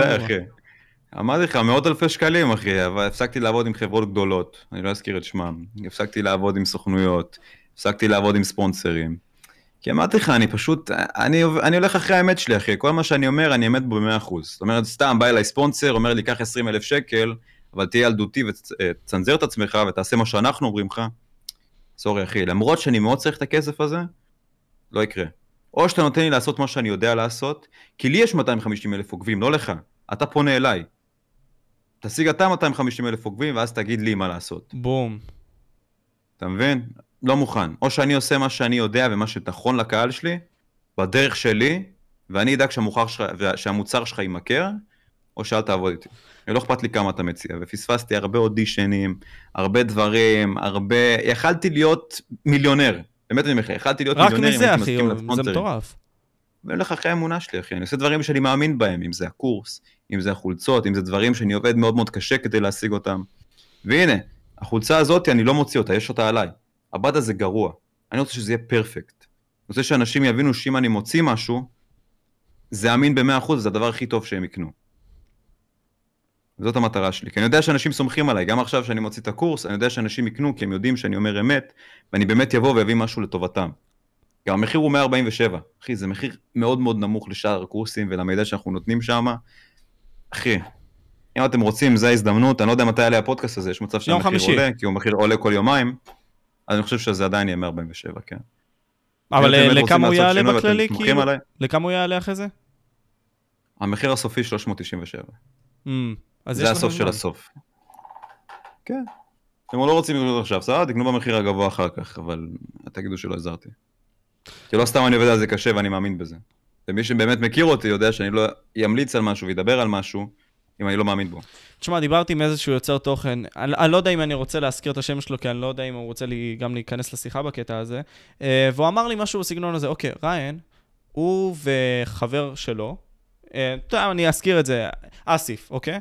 קרה. והם עשו משהו בנוגע לאיזושהי סוכנות, לא יודע, whatever, משהו שהיה לכם, לא רוצה להיכנס לזה יותר מדי, והם לקחו ריזיקה. והם סוג של גרמו לרעידת אדמה בגלל שהם רוצים להיות עצמאים, בגלל שהם רוצים לעשות את הדברים אחרת והכל. אתה לא מפחד מזה שאתה רוצה לעשות את הדברים אחרת, אחי? כי, תשמע, בסופו של דבר, אתה יודע, לצאת נגד הסטנדרט... אבל מה אני אמרתי לך לפני? שפחד הוא טוב, פחד משנה אותך. ברור שאני מפחד. כי זה אומר שעכשיו אני צריך להסתמך על הקהל שלי ועל הידע שלי כדי להשיג כסף, במקום להסתמך, אתה יודע, על מה שכבר, ש- על מה שכבר יש לי ולשנות אותו טיפה, כדי לבוא לטובת הספונסרים ולמכור ולעשות לעצמי כסף. ברור שזה מפחיד. אבל אמרתי לך, אני מאמין בעצמי, אחי. מה- אני יודע שהקהל שלי רואה את זה וגם מאמין בי באותה צורה. וואו. מה אתה חושב אז על העצמאים האלה? תשמע, יש מעטים כאלה ביוטיוב, שהם לא בסוכנויות, שהם עם הרבה מאוד עוקבים, שמנסים לעשות משהו אחר, משהו חדש. משהו שכנגיד סתם במוזיק ביזנס עושים עכשיו. להיות עצמאים, לנסות למתק את עצמך, להביא את עצמך לבחוץ לבד, שאתה תקבל את ה-100% רווחים. לא מישהו אחר עליך. כי אתה בן אדם, נגיד סתם בקטע שלך, עם ה-250, עם ה-30 אלף, whatever, עם ה-25 אלף בפודקאסט. יש לך נכס, אחי. ברור, ואני בניתי אותו לבד, אחי, בלי עזרה של אף אחד. ואם הצלחתי לבנות דבר כזה לבד, אז אני יכול לבנות הכל לבד. לא הייתי צריך את העזרה שלך כדי להגיע ל-250 אלף. לא הייתי צריך את העזרה שלך כדי לשפר את הציוד שלי ולהגיע למצב שאני נמצא בו. אני לא צריך את העזרה שלך גם עכשיו, אני אדע להסתדר. נכון, אני אפחד ויהיה לי קשה ויהיה לי כואב, אבל זה מעולה, זה מניע אותי. ואנשים שהם עצמאיים ומוכנים לקחת את הסיכון, אני גם אגלה לך פה סוד, רוב הכוכבים האלה שאתה מדבר עליהם, שלא יוצאים מסוכנויות ומפחדים להגיד את הדעה שלהם, מקנאים בי בסופו של דבר. הרבה מהם גם אמרו לי את זה אישית. אמרו לי, אני מקנא שאתה יכול לבוא ולהגיד את הדעות שלך ככה, ואין בך שום פחד למה יגידו. בטח שיש לי פחד, אני הולך לאבד פה דברים, אבל האמונה שלי הרבה יותר חזקה. הרבה יותר חזקה, אני גם פעם, פעם אני אספר לך, היה לי איזה מקרה ששמעתי בחדשות, שבאו איסלאמים או משהו, אוקיי? תצנדר פשוט את הדתות שלא תקבל דימוניזציה, ורצחו דת מסוימת, כי הם לא היו מוכנים להגיד את השם של האלוהים שלהם ולוותר על האלוהים שהם כבר מאמינים בו. ואנשים היו מוכנים למות בשביל האלוהים שלהם והאמונה שלהם, רק כדי לא לבגוד בו. ואני עובד אותו דבר, אחי, ועכשיו אני מבין אותם, פעם הייתי אומר, מה, הם משוגעים? זה החיים שלהם. למה אתם לא אומרים פשוט מה שהם רוצים כדי, אתם יודעים, לחיות? היום אני מבין אותם, אני מוכן למות בעד האמת שלי. אני מוכן לסכן את החיים שלי, ואני בכוונה מקצין, כי ככה זה עובד בראש שלי, כדי להישאר על האמת שלי ומה שאני מאמין בו. ושום דבר לא ישנה את זה. לא פחד, לא כאב, לא אנשים שמוצאים כתבות, ולא אנשים שקוראים לי שמנופוב. לא מזיז לי, אחי. לא מזיז לך, אחי, ובוא ניכנס לזה. כלומר, יש כל כך הרבה אנשים, אחי, כמו שאתה אמרת עכשיו בסוכנויות האלה, שמפחדים אפילו להגיד פיפס. הם לא יכולים לעשות שיתופי פעולה עם אנשים למען ה... לעשות תוכן עם אנשים אחרים, כי הסוכנות לא מרשה להם. כאילו... אחי, תראה את המקרה עם דניאל יונה, הוא בגד בחבר שלו כי הסוכנות אמרה לו והוא רצה כסף, הוא פחד לאבד את הכסף שלו. תראה מה קורה סביבך, אחי. הם היו חברים טובים, הוא פשוט בגד בו כי הסוכנות אמרה לו. והוא רצה את הכסף, הוא רצה את התהילה. הוא ויתר על החברות בשביל הכסף. תראה מה קורה סביבך, אחי. אסון, העולם פשוט מידרדר לאסון. ואם אנשים לא יהיו כמוני ויקחו את הצדק לידיים שלהם, ויוכיחו לחברות שאנחנו לא צריכים אתכם כדי להצליח, שום דבר לא ישתנה פה וזה רק יידרדר. אנשים פה נראה לי איבדו את המשמעות של חירות, אחי. הם חושבים שעצם העובדה שהם בטיקטוק, אחי, יש להם שליטה על התוכן שהם גוללים, אחי. העליתי על זה פוסט, נגיד, סתם. לאנשים אין באמת פה חירות ברשתות החברתיות. הרשתות החברתיות מנהלות אותם. כאילו, בקטנה כזה הם מבינים מה אתה אוהב, אבל הם נותנים לך מה שאתה רוצה. אתה לא שולט, אחי, על מה שאתה fucking בודק. כי הם נותנים לך מה שאתה רוצה, אחי. אבל זה לא חירות, זה פייק. פה אתה מחפש חירות, אתה רודף חירות, אחי. וזה טוב. אתה מחפש אחרי חירות. אנחנו כולנו עבדים כרגע, אנחנו מושפעים מהסביבה, אחי, אתה מושפע מהטלפון. טיקטוק, מה המטרה שלו? להביא לך תוכן שאתה רוצה לראות, בשביל למכור לך דברים שהוא רוצה שתקנה. אותו דבר וואטסאפ, וואטסאפ עוקב אחרי כל ההודעות שלך כדי לפרסם אחר כך בפייסבוק, אתה מדבר עם חבר שלך נעליים, בום, דוחף לך נעליים. הם אפילו בונים לך דמות, היה איזה סדרה זה בנטפליקס. אחי, כולנו שפוטים דילמה. כרגע. בדיוק, אנחנו כולנו שפוטים של האינטרנט, והאנשים שבאמת ערניים, נגיד את זה ככה, ישימו לב למה פייק ומה לא פייק. ישימו לב למה קורה פה, וברגע שאתה ערני, אתה לא יכול להסתכל על המדיה אותו דבר. אני אומר לך את זה כאילו אני מחוויה אישית שלי. ברגע שאתה מתעורר, אתה מסתכל על החיים בצורה אחרת. כמו שאני עוררתי את עצמי מנטלית והבנתי שהכל אפשרי, ברגע שאני באמת מאמין בו ורוצה אותו, אחי, זה גורם לי להרגיש שהחיים קלים, אחי. פתאום לא קשה לי להוריד במשקל, או עכשיו אני מעלה מסה ואני צריך לאכול הרבה, וזה הרבה יותר קשה בעיניי, בשבילי, כי הרגלתי את עצמי לאכול קצת, אבל זה כל כך קל לי, כי אני יודע שהכל אפשרי כבר. שום דבר לא מדאיג אותי. אני יודע שאם אני ארצה משהו, אני יכול להשיג אותו. כי החיים באמת קלים, עם מחשבה נכונה ומנטליות נכונה והרגלים נכונים. נכון, זה לוקח זמן, אבל זה אפשרי. לא משנה כמה זמן זה ייקח, עשר שנים, אתה תצליח בסוף. חיים קלים, אחי. תאמין, יש לך גם את הטלפון. החיים הרבה יותר פשוטים מאי פעם. יש לך אנשים בני 16 שעושים יותר כסף מכולנו ביחד. למה? כי יש להם את המידע בטלפון, והם ידעו לעבוד מספיק קשה ולהשקיע שעות במקום לדפדף בטיק טוק, במה שהם רוצים לדעת וללמוד ולעשות, כדי להצליח. חיים קלים, אחי. היום יותר מאי פעם. אבל הם גם קשים, כי אתה נבנית ל... איך קוראים לזה? לקהילה שהיא יותר עצלנית ויותר אה, מפונקת, נגיד את זה ככה. אני חושב שאנשים פה, ונתת לי ליד מושלם לזה, בוא נגיד ככה, אנשים מתנערים מאחריות, אחי. אחריות זה מילה שכבר לא בלקסיקון אצל אנשים. והם mm-hmm. מתנערים ממנה, אחי. כלומר, אתה עכשיו אמרת לי את זה. וואלה, כמה מהאנשים שצופים או שומעים את הפודקאסט עצמו, לוקחים באמת אחריות על איך הם צורכים את התוכן שלהם, כמה זמן הם מקציבים לעצמם, כל מיני כאלה. כמעט ואף אחד, אבל הם לא יודעים להשתמש בסוס המפחיד הזה שנמצא לכם פה ביד, בסופו של דבר. וזה כלי, אבל זה לא כלי רע או טוב. זה מה שאתה עושה איתו, שהופך אותו לרע או טוב. דוגמה הכי טובה, אחי, סכין. סכין זה משהו שיכול להרוג אנשים, אבל במקום mm-hmm. הנכון, אחי, אם אתה מחדד לעצמך את זה טוב במוח, זה, זה מצוין, אחי, זה עוזר לך לעשות מלא דברים. יפה, אמרתי את זה, אמרת את זה מעולה, אהבתי מאוד את המטאפורה הזאת. מה אתה חושב על אחריות, נגיד, סתם אצל האנשים הכי בחברה שלנו? שבן אדם שלא לוקח אחריות ולא חושב מה החלק שלו בנושא, זאת אומרת אם הוא הפסיד והוא מאשים, לא יודע, השתעלתי, ולא באמת מאשים ולוקח את האחריות עליו, זה בן אדם שלא באמת הצליח להגיע למטרות שלו ולהשתפר. אם ברגע שאתה לוקח אחריות, זה אומר שאתה מוכן להקשות על עצמך ולהכאיב לעצמך, כי לקחת אחריות זה מאוד קשה לפעמים. זה להכאיב לעצמך, כדי להשתנות ולהשתפר בפעם הבאה שזה לא יקרה. מי שלא לוקח אחריות זה אנשים שאתה יודע, אוהבים את הנחת שלהם, את המקום שלהם, אני מושלם, אני לא צריך להשתנות. ולרוב בחורות עושות את זה. הנה, נגיע לשוביניסטיות. בחורות מתנערות מאחריות. תגיד היום על בחורה, כמה את חושבת שאת מ-1 עד 10, ראיתי מלא סרטונים על זה, אני 10 מתוך 10, אני מושלמת, הגבר צריך אותי. אחרי שעברת 20 בולבולים? זה 10 מתוך 10? שאחרי שאת שמה מייקאפ ומזייפת את כל הפנים שלך ואת הלאג ואת הידיים ואת הגוף, זה פרפקט? שבנות בגיל 30 שמות בוטוקס ומשנות את הגוף שלהם כדי להרגיש מושלמות, זה ביטחון עצמי וזה 10, וזה 10 מתוך 10? אל תהיו כאלה. אני מדבר פה בעיקר לעם הגברי, כי אנחנו עם שבאמת צריך לעבוד קשה כדי להיות משהו בעולם הזה. אמת, אחי. למה, נגיד סתם, נשים לוקחות קיצורי דרך בסופו של דבר, ואנחנו כי הן נותנים את יכולות, הרספקט. אחי. הן יכולות, בדיוק. הן יכולות. אנחנו באמת צריכים אותם, ורוב הגברים, קשה להם להשיג בחורות, באמת צריכים את, ה, את הנשיות הזאת. וזה טוב, אבל תדע גם להעריך את עצמך ולדעת מה אתה שווה. מעטים גברים, מעטים מהגברים, אחי, יודעים מה הם שווים. הם יותר מסתכלים על הבנות, אחי, ומעדיפים במקום לבוא ולקחת אחריות, אחי, כמו שדיברנו לפני כן, ולעשות דברים עם עצמם, ולהתנגד, אחי, טיפה לעצמם, הם מעדיפים לבוא ולשלם ל... אה, לאילנוש, אחי, או למי הקליפה, אחי, באונלי, ואני מקבל את מה שאני צריך, אחי, מאישה שהיא נראית טוב, בקלות, בלי מגע, אחי, כי זה קשה. בדיוק. זה הדרך הקלה לחיים. הבחירה שלך איזה דרך לקחת. ואיך אתה אומר להם עכשיו לפעול? מישהו רוצה עכשיו באמת להתחיל עם מישהי, אחי. לא משנה איך היא נראית. בלי גם מתחת, מעל, ווטאבר. אל תהיה אובססיבי לבנות, תהיה אובססיבי לעבודה ולעתיד שלך.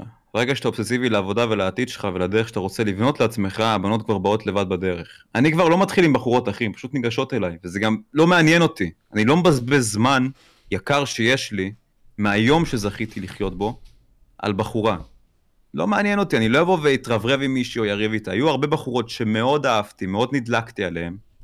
וברגע שראיתי שהן מבזבזות לי זמן או משחקות משחקים כדי שאני אראה להם שאני ממש רוצה אותם ואתן להם יחס, עשיתי לזה קאט, אחי. בחורות שידעתי שאני יכול להשיג אם אני אפנה אליהם זמן, אבל אני לא מוכן. אם את באמת רוצה אותי, את רוצה להיכנס לדרך חיים שלי, היא תבוא ותיכנס. וכשאתה בן אדם שעובד קשה ויש לך סטטוס ויש לך שם, ואתה בן אדם שתמיד הולך אחרי המטרות שלו, הבחורות שמות לב לזה ומרגישות את זה ויבואו אליך לבד. אל תתמקד רק בבחורות, תן לזה להיות כבונוס על העבודה הקשה שאתה עושה. אני חושב זה ש... קל, אחי. אבל התבונה הזאת היא באה, אחי, מזה שלפני זה היית עם הרבה מאוד נשים אחרות, אחי. וזה נתן לך את האפשרות לבוא ולהגיד כזה, וואלה, אני אתן מקום לעבודה שלי יותר. אבל לבוא עכשיו הבן אדם, אחי, שישמע את זה, שהוא לא חווה את החוויות שאתה חווית, שלא היה עם אותן בנות והכל, ויגיד, מה זה השטויות האלה שמוציאים מהפה שלהם, אחי? בא לי fucking כוס, בא לי, בא לי זה אישה. לא משנה, בן אדם שעובד על עצמו מספיק קשה וסבל מספיק קשה כדי להגיע למצב שלו, יעריך את עצמו כל כך, שלא יהיה לו אכפת.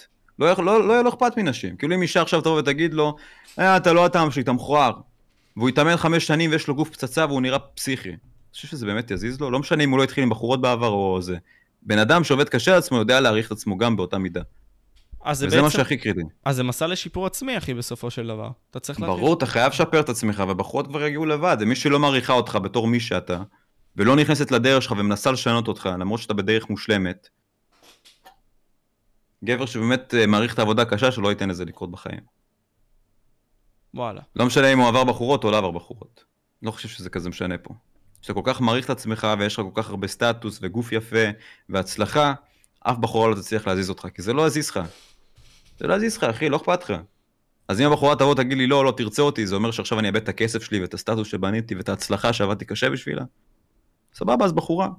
תראה כמה בחורות יפות יש סביבך. אבל כמה גברים אתה מכיר שהם חטובים, מצליחים, שעובדים קשה על עצמם, שיש להם סטטוס. מעטים מאוד, אחי. כי מעטים שמים את הפאקינג למצוא. בדיוק, וגברים כמונו קשה מאוד למצוא. אם אתה, אחד, אם אתה תגיע לאחד אחוז הזה, ואתם יכולים להגיע לאחד אחוז הזה, החיים יהיו קשים, כי בחורות תרצו אתכם ולא אתם את הבנות. כי בחורה יפה אפשר למצוא בכל מקום. אבל גבר כמוך, בלתי אפשרי. כמעט ובלתי אפשרי. אז מה זה אומר מבחינתך, כאילו, האידיאל הגברי בקטע הזה? כלומר, אם עכשיו אתה רוצה לבנות את הגבר שהכי יכול להיות טוב בשבילו, נגיד סתם, אם אנחנו ניקח את זה בסכמה מסוימת, סבבה? המקסימלי שלו, מה הוא צריך לעשות בשביל להגיע למקסימום שלו? אין דבר כזה משהו אידיאלי, כי אני חושב שלכל אחד יש מטרות שונות vision שונה שהוא רואה לעצמו. אבל אני כן חושב שאם אתה רואה את ה vision שלך ואתה מצליח לעבוד קשה כדי להגיע אליו, תהיה הבן אדם הכי חזק עלי אדמות. אם זה פיזי, אני חושב שלעשות אה, כושר, אני חושב שכל אחד צריך לעשות, כי זה בריא, זה קריטי, זה משפר את הביטחון שלך, זה פורק עצבים, זה פורק רגשות, זה מאוד מאוד כיף. פשוט לעבוד קשה למטרות שלך, אחי, הרגלים נכונים, משמעת עצמית.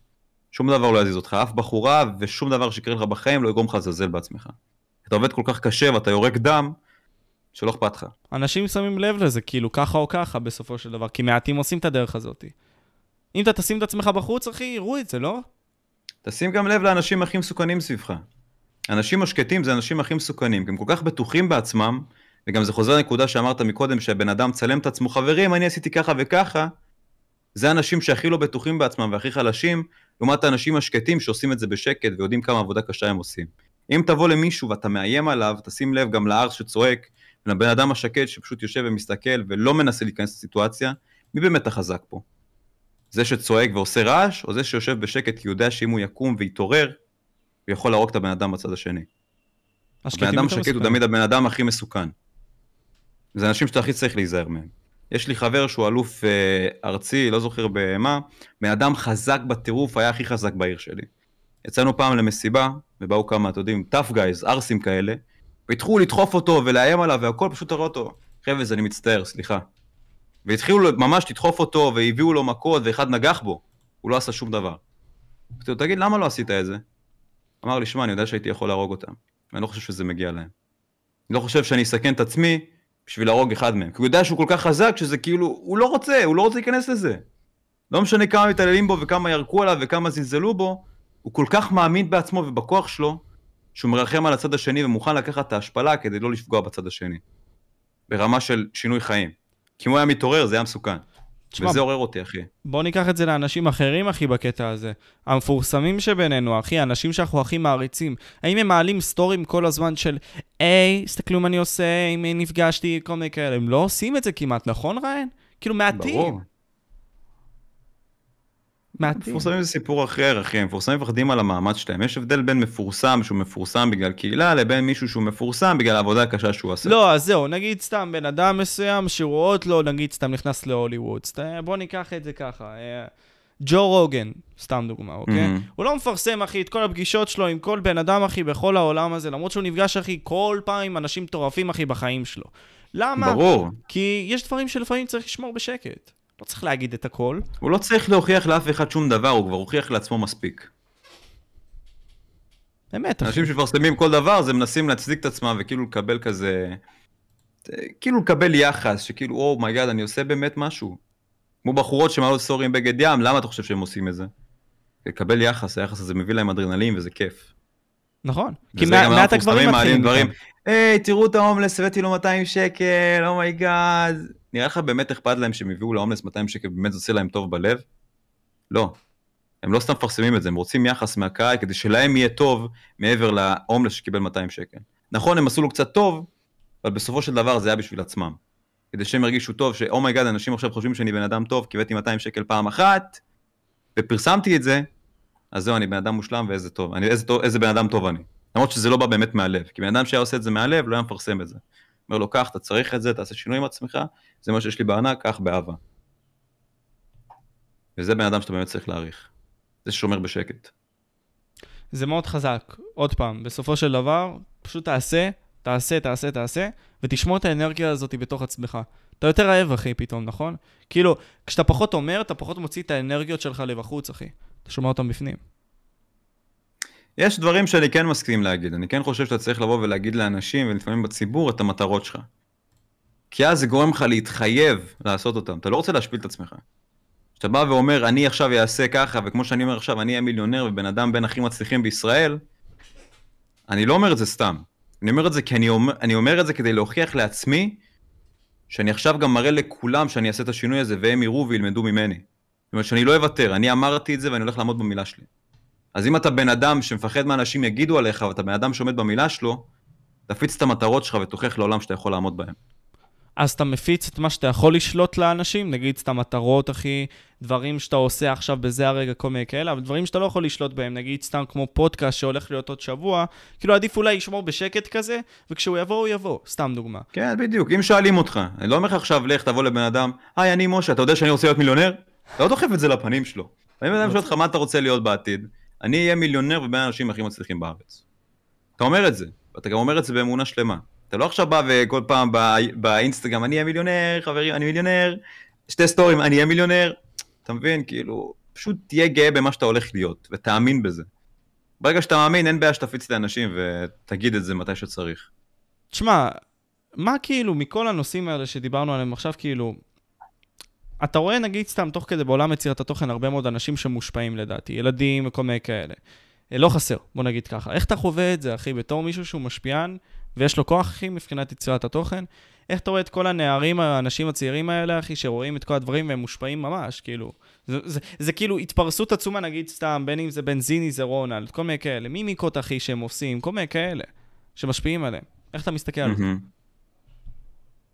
אין לי כל כך, כאילו, מאז ומתמיד זה היה ככה, לא יודע, בן אדם שרוצה לצרוך תוכן כזה, הוא יצרח את התוכן הזה ויהיה מושפע כלפיו, אבל יש אנשים שגם צורכים תוכן שיותר uh, טוב להם, אם זה פודקאסטים של אנשים מעניינים, ג'ו רוגן, אם זה ידע, ואם זה טיק טוקים על כושר והכל, וצורכים את הידע משם. זה הבחירה שלך איזה ידע אתה צורך. אם בן אדם בוחר לצרוך ידע כזה, זה קודם כל זה אומר הרבה. שכנראה, אתה יודע, בן אדם שאוהב יותר צחוקים ואדרנלין ודברים פחות משמעותיים.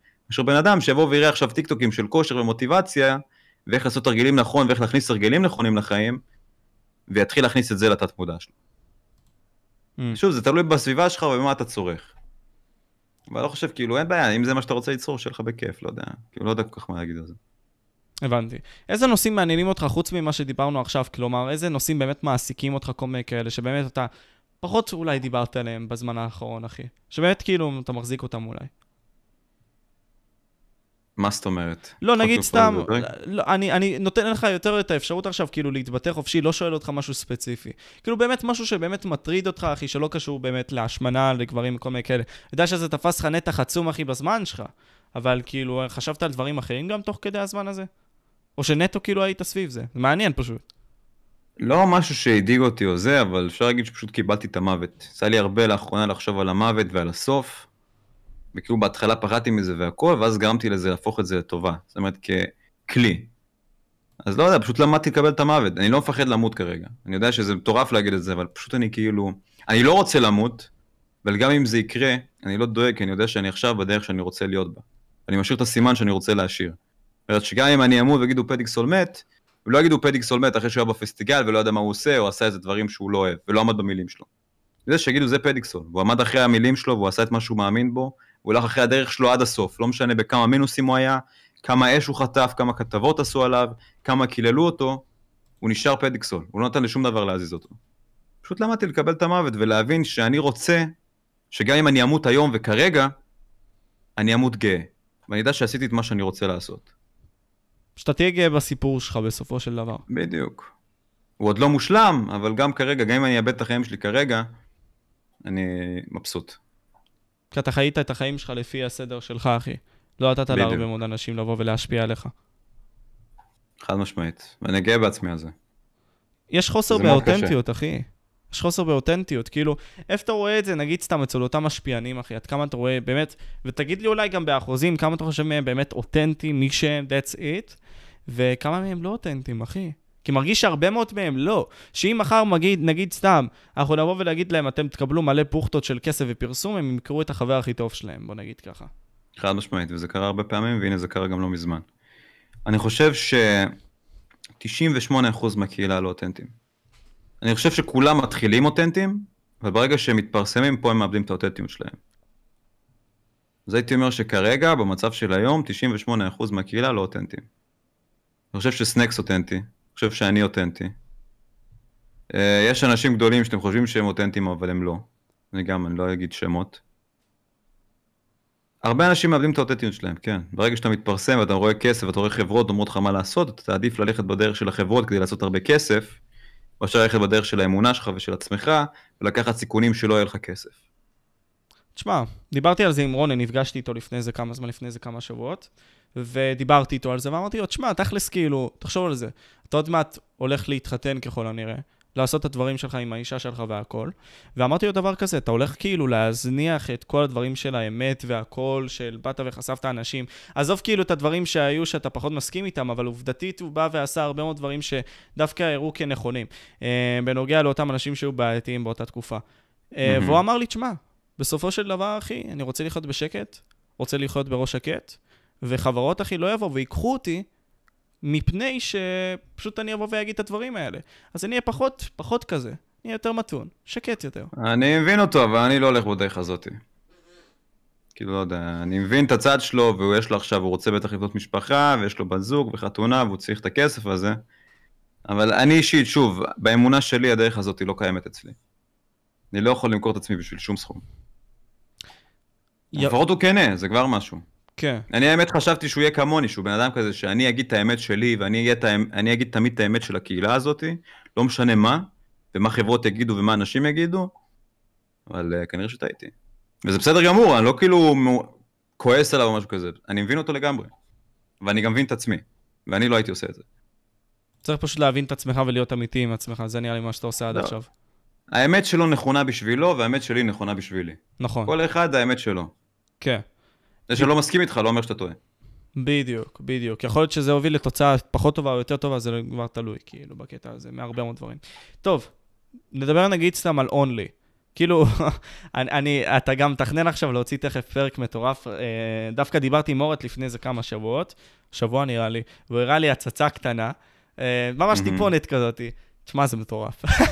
אחי, זה היה קיצוני, היינו צריכים לעצור את זה באמצע, זה, זה עבר גבולות. אני לא יודע מה יש לעלות ליוטיוב, ליוטיוב, אחי, זה נראה לי לפורנאפ כבר. זה יותר מדי קיצוני. אתה תכננת שזה יהיה ככה? כאילו, אני מבין שכל לא, הזמן לא, אתה לא מנסה למתוח. גבולות, אבל השאלה עד כמה. לא, לא, הפעם אני לא מתחתי את הגבולות. זה הביאה רעיונות שאתם תראו בסרטון, שהיא פשוט מימשה אותם בעצמה. היא אמרה לי רעיון, אני אמרתי, סבבה, אם את רוצה לעשות את זה, תעשי את זה, והיא עשתה את זה. ולא יודע, זה יצא משליטה, אחי, זה היה מאוד מוזר. כאילו, אני לא רוצה לחשוף יותר מדי, כי גם אם אני אחשוף, אחי, אני לא יכול להגיד את זה ביוטיוב, שתבין כמה זה קיצוני. אבל זה, זה היה, אחי... היה לי איזה יומיים שלקח לי לעכל את הדבר הזה, כאילו. יומיים שכאילו אכלתי תסביכים, כאילו, וואי, באמת זה קרה עכשיו? זה מה שעברנו? זה המצב שהגעתי אליו? הייתי גאה בעצמי. כן, let's go. למה היית גאה בעצמך? כי אני יודע שאין בן אדם אחר שהיה מגיע לסיטואציה כזאת ומביא סיפור כזה חוץ ממני. זה אמיתי, זה זה מרהיב לא אותי, לקחתי אחי. ממך. לא אני יודע. שעכשיו זה יגרום לחברות לפחד יותר ממה שהן מפחדות. לא יודע, אחי, אני אוהב את זה, זה מרגש אותי. אבל אם אתה תקבל, נגיד, סתם- וואלה, אתה יודע איך אני רואה את זה? אתה, נגיד ג'ו רוגן, בתחילת הדרך שלו, קיבל פרסומת, אחי, מפלאשלייט. אתה יודע מה זה פלאשלייט? הצצ... כן, ברור, המין כן, הזה, כן. כן. כן, אז כן, אולי, כאילו, אני, אני צוחק, כן, אבל יכול להיות שגם עם הזמן, אם אתם תעשו את זה קבוע, יוכלו לפנות אליכם אפילו חברות כאלה. אתה תיקח?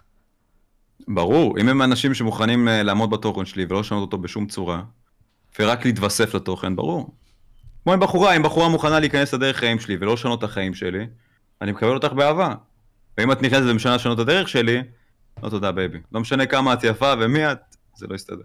אז תגיד לי, כאילו, אתה כבר רואה עכשיו אולי, לא יודע, פירות, אחי, של חברות שהן אולי מכוונות לתוכן בוגר יותר, שפונות אליך, או שעדיין לא הגעת למקום כזה? כי זה אה, מעניין. היו דיבורים פה ושם, אבל זה תמיד התנדנדות, וגם uh, בסוכנות שהייתי עובד איתה, אתה יודע, הם כאילו מפחדים להיכנס עכשיו ולקחת איזה ספונסר קיצוני, ואז לשרוף, לשרוף קשרים עם אנשים אחרים, כי ברגע שאתה לוקח ספונסר שהוא נגיד uh, קונדומים, אתה שורף הרבה קשרים עם חברות אחרות שבחיים לא ירצו לעבוד איתך. הוא אומר לי, לא יודע, אולי תהיה את האופציה הזאת. אני גם לא כזה, חוש... אה, לא כזה חושב על זה, אני כל כך עסוק בפרויקטים שלי ובדברים שלי, שפשוט אכפת לי מה החברה הזאת אומרת ומי יעבוד איתי ומי לא. אני פשוט רוצה להוציא את הדברים הכי טובים שאני יודע שאני יכול להציע ואני מאמין בהם במאה אחוז, וזה יותר חשוב לי מלעבוד עם איזה מוצר שאולי אני כן משתמש בו, אבל הוא לא שלי. אז החיבור שלי אליו פחות uh, משמעותי. החיבור שלך פחות משמעותי איתו.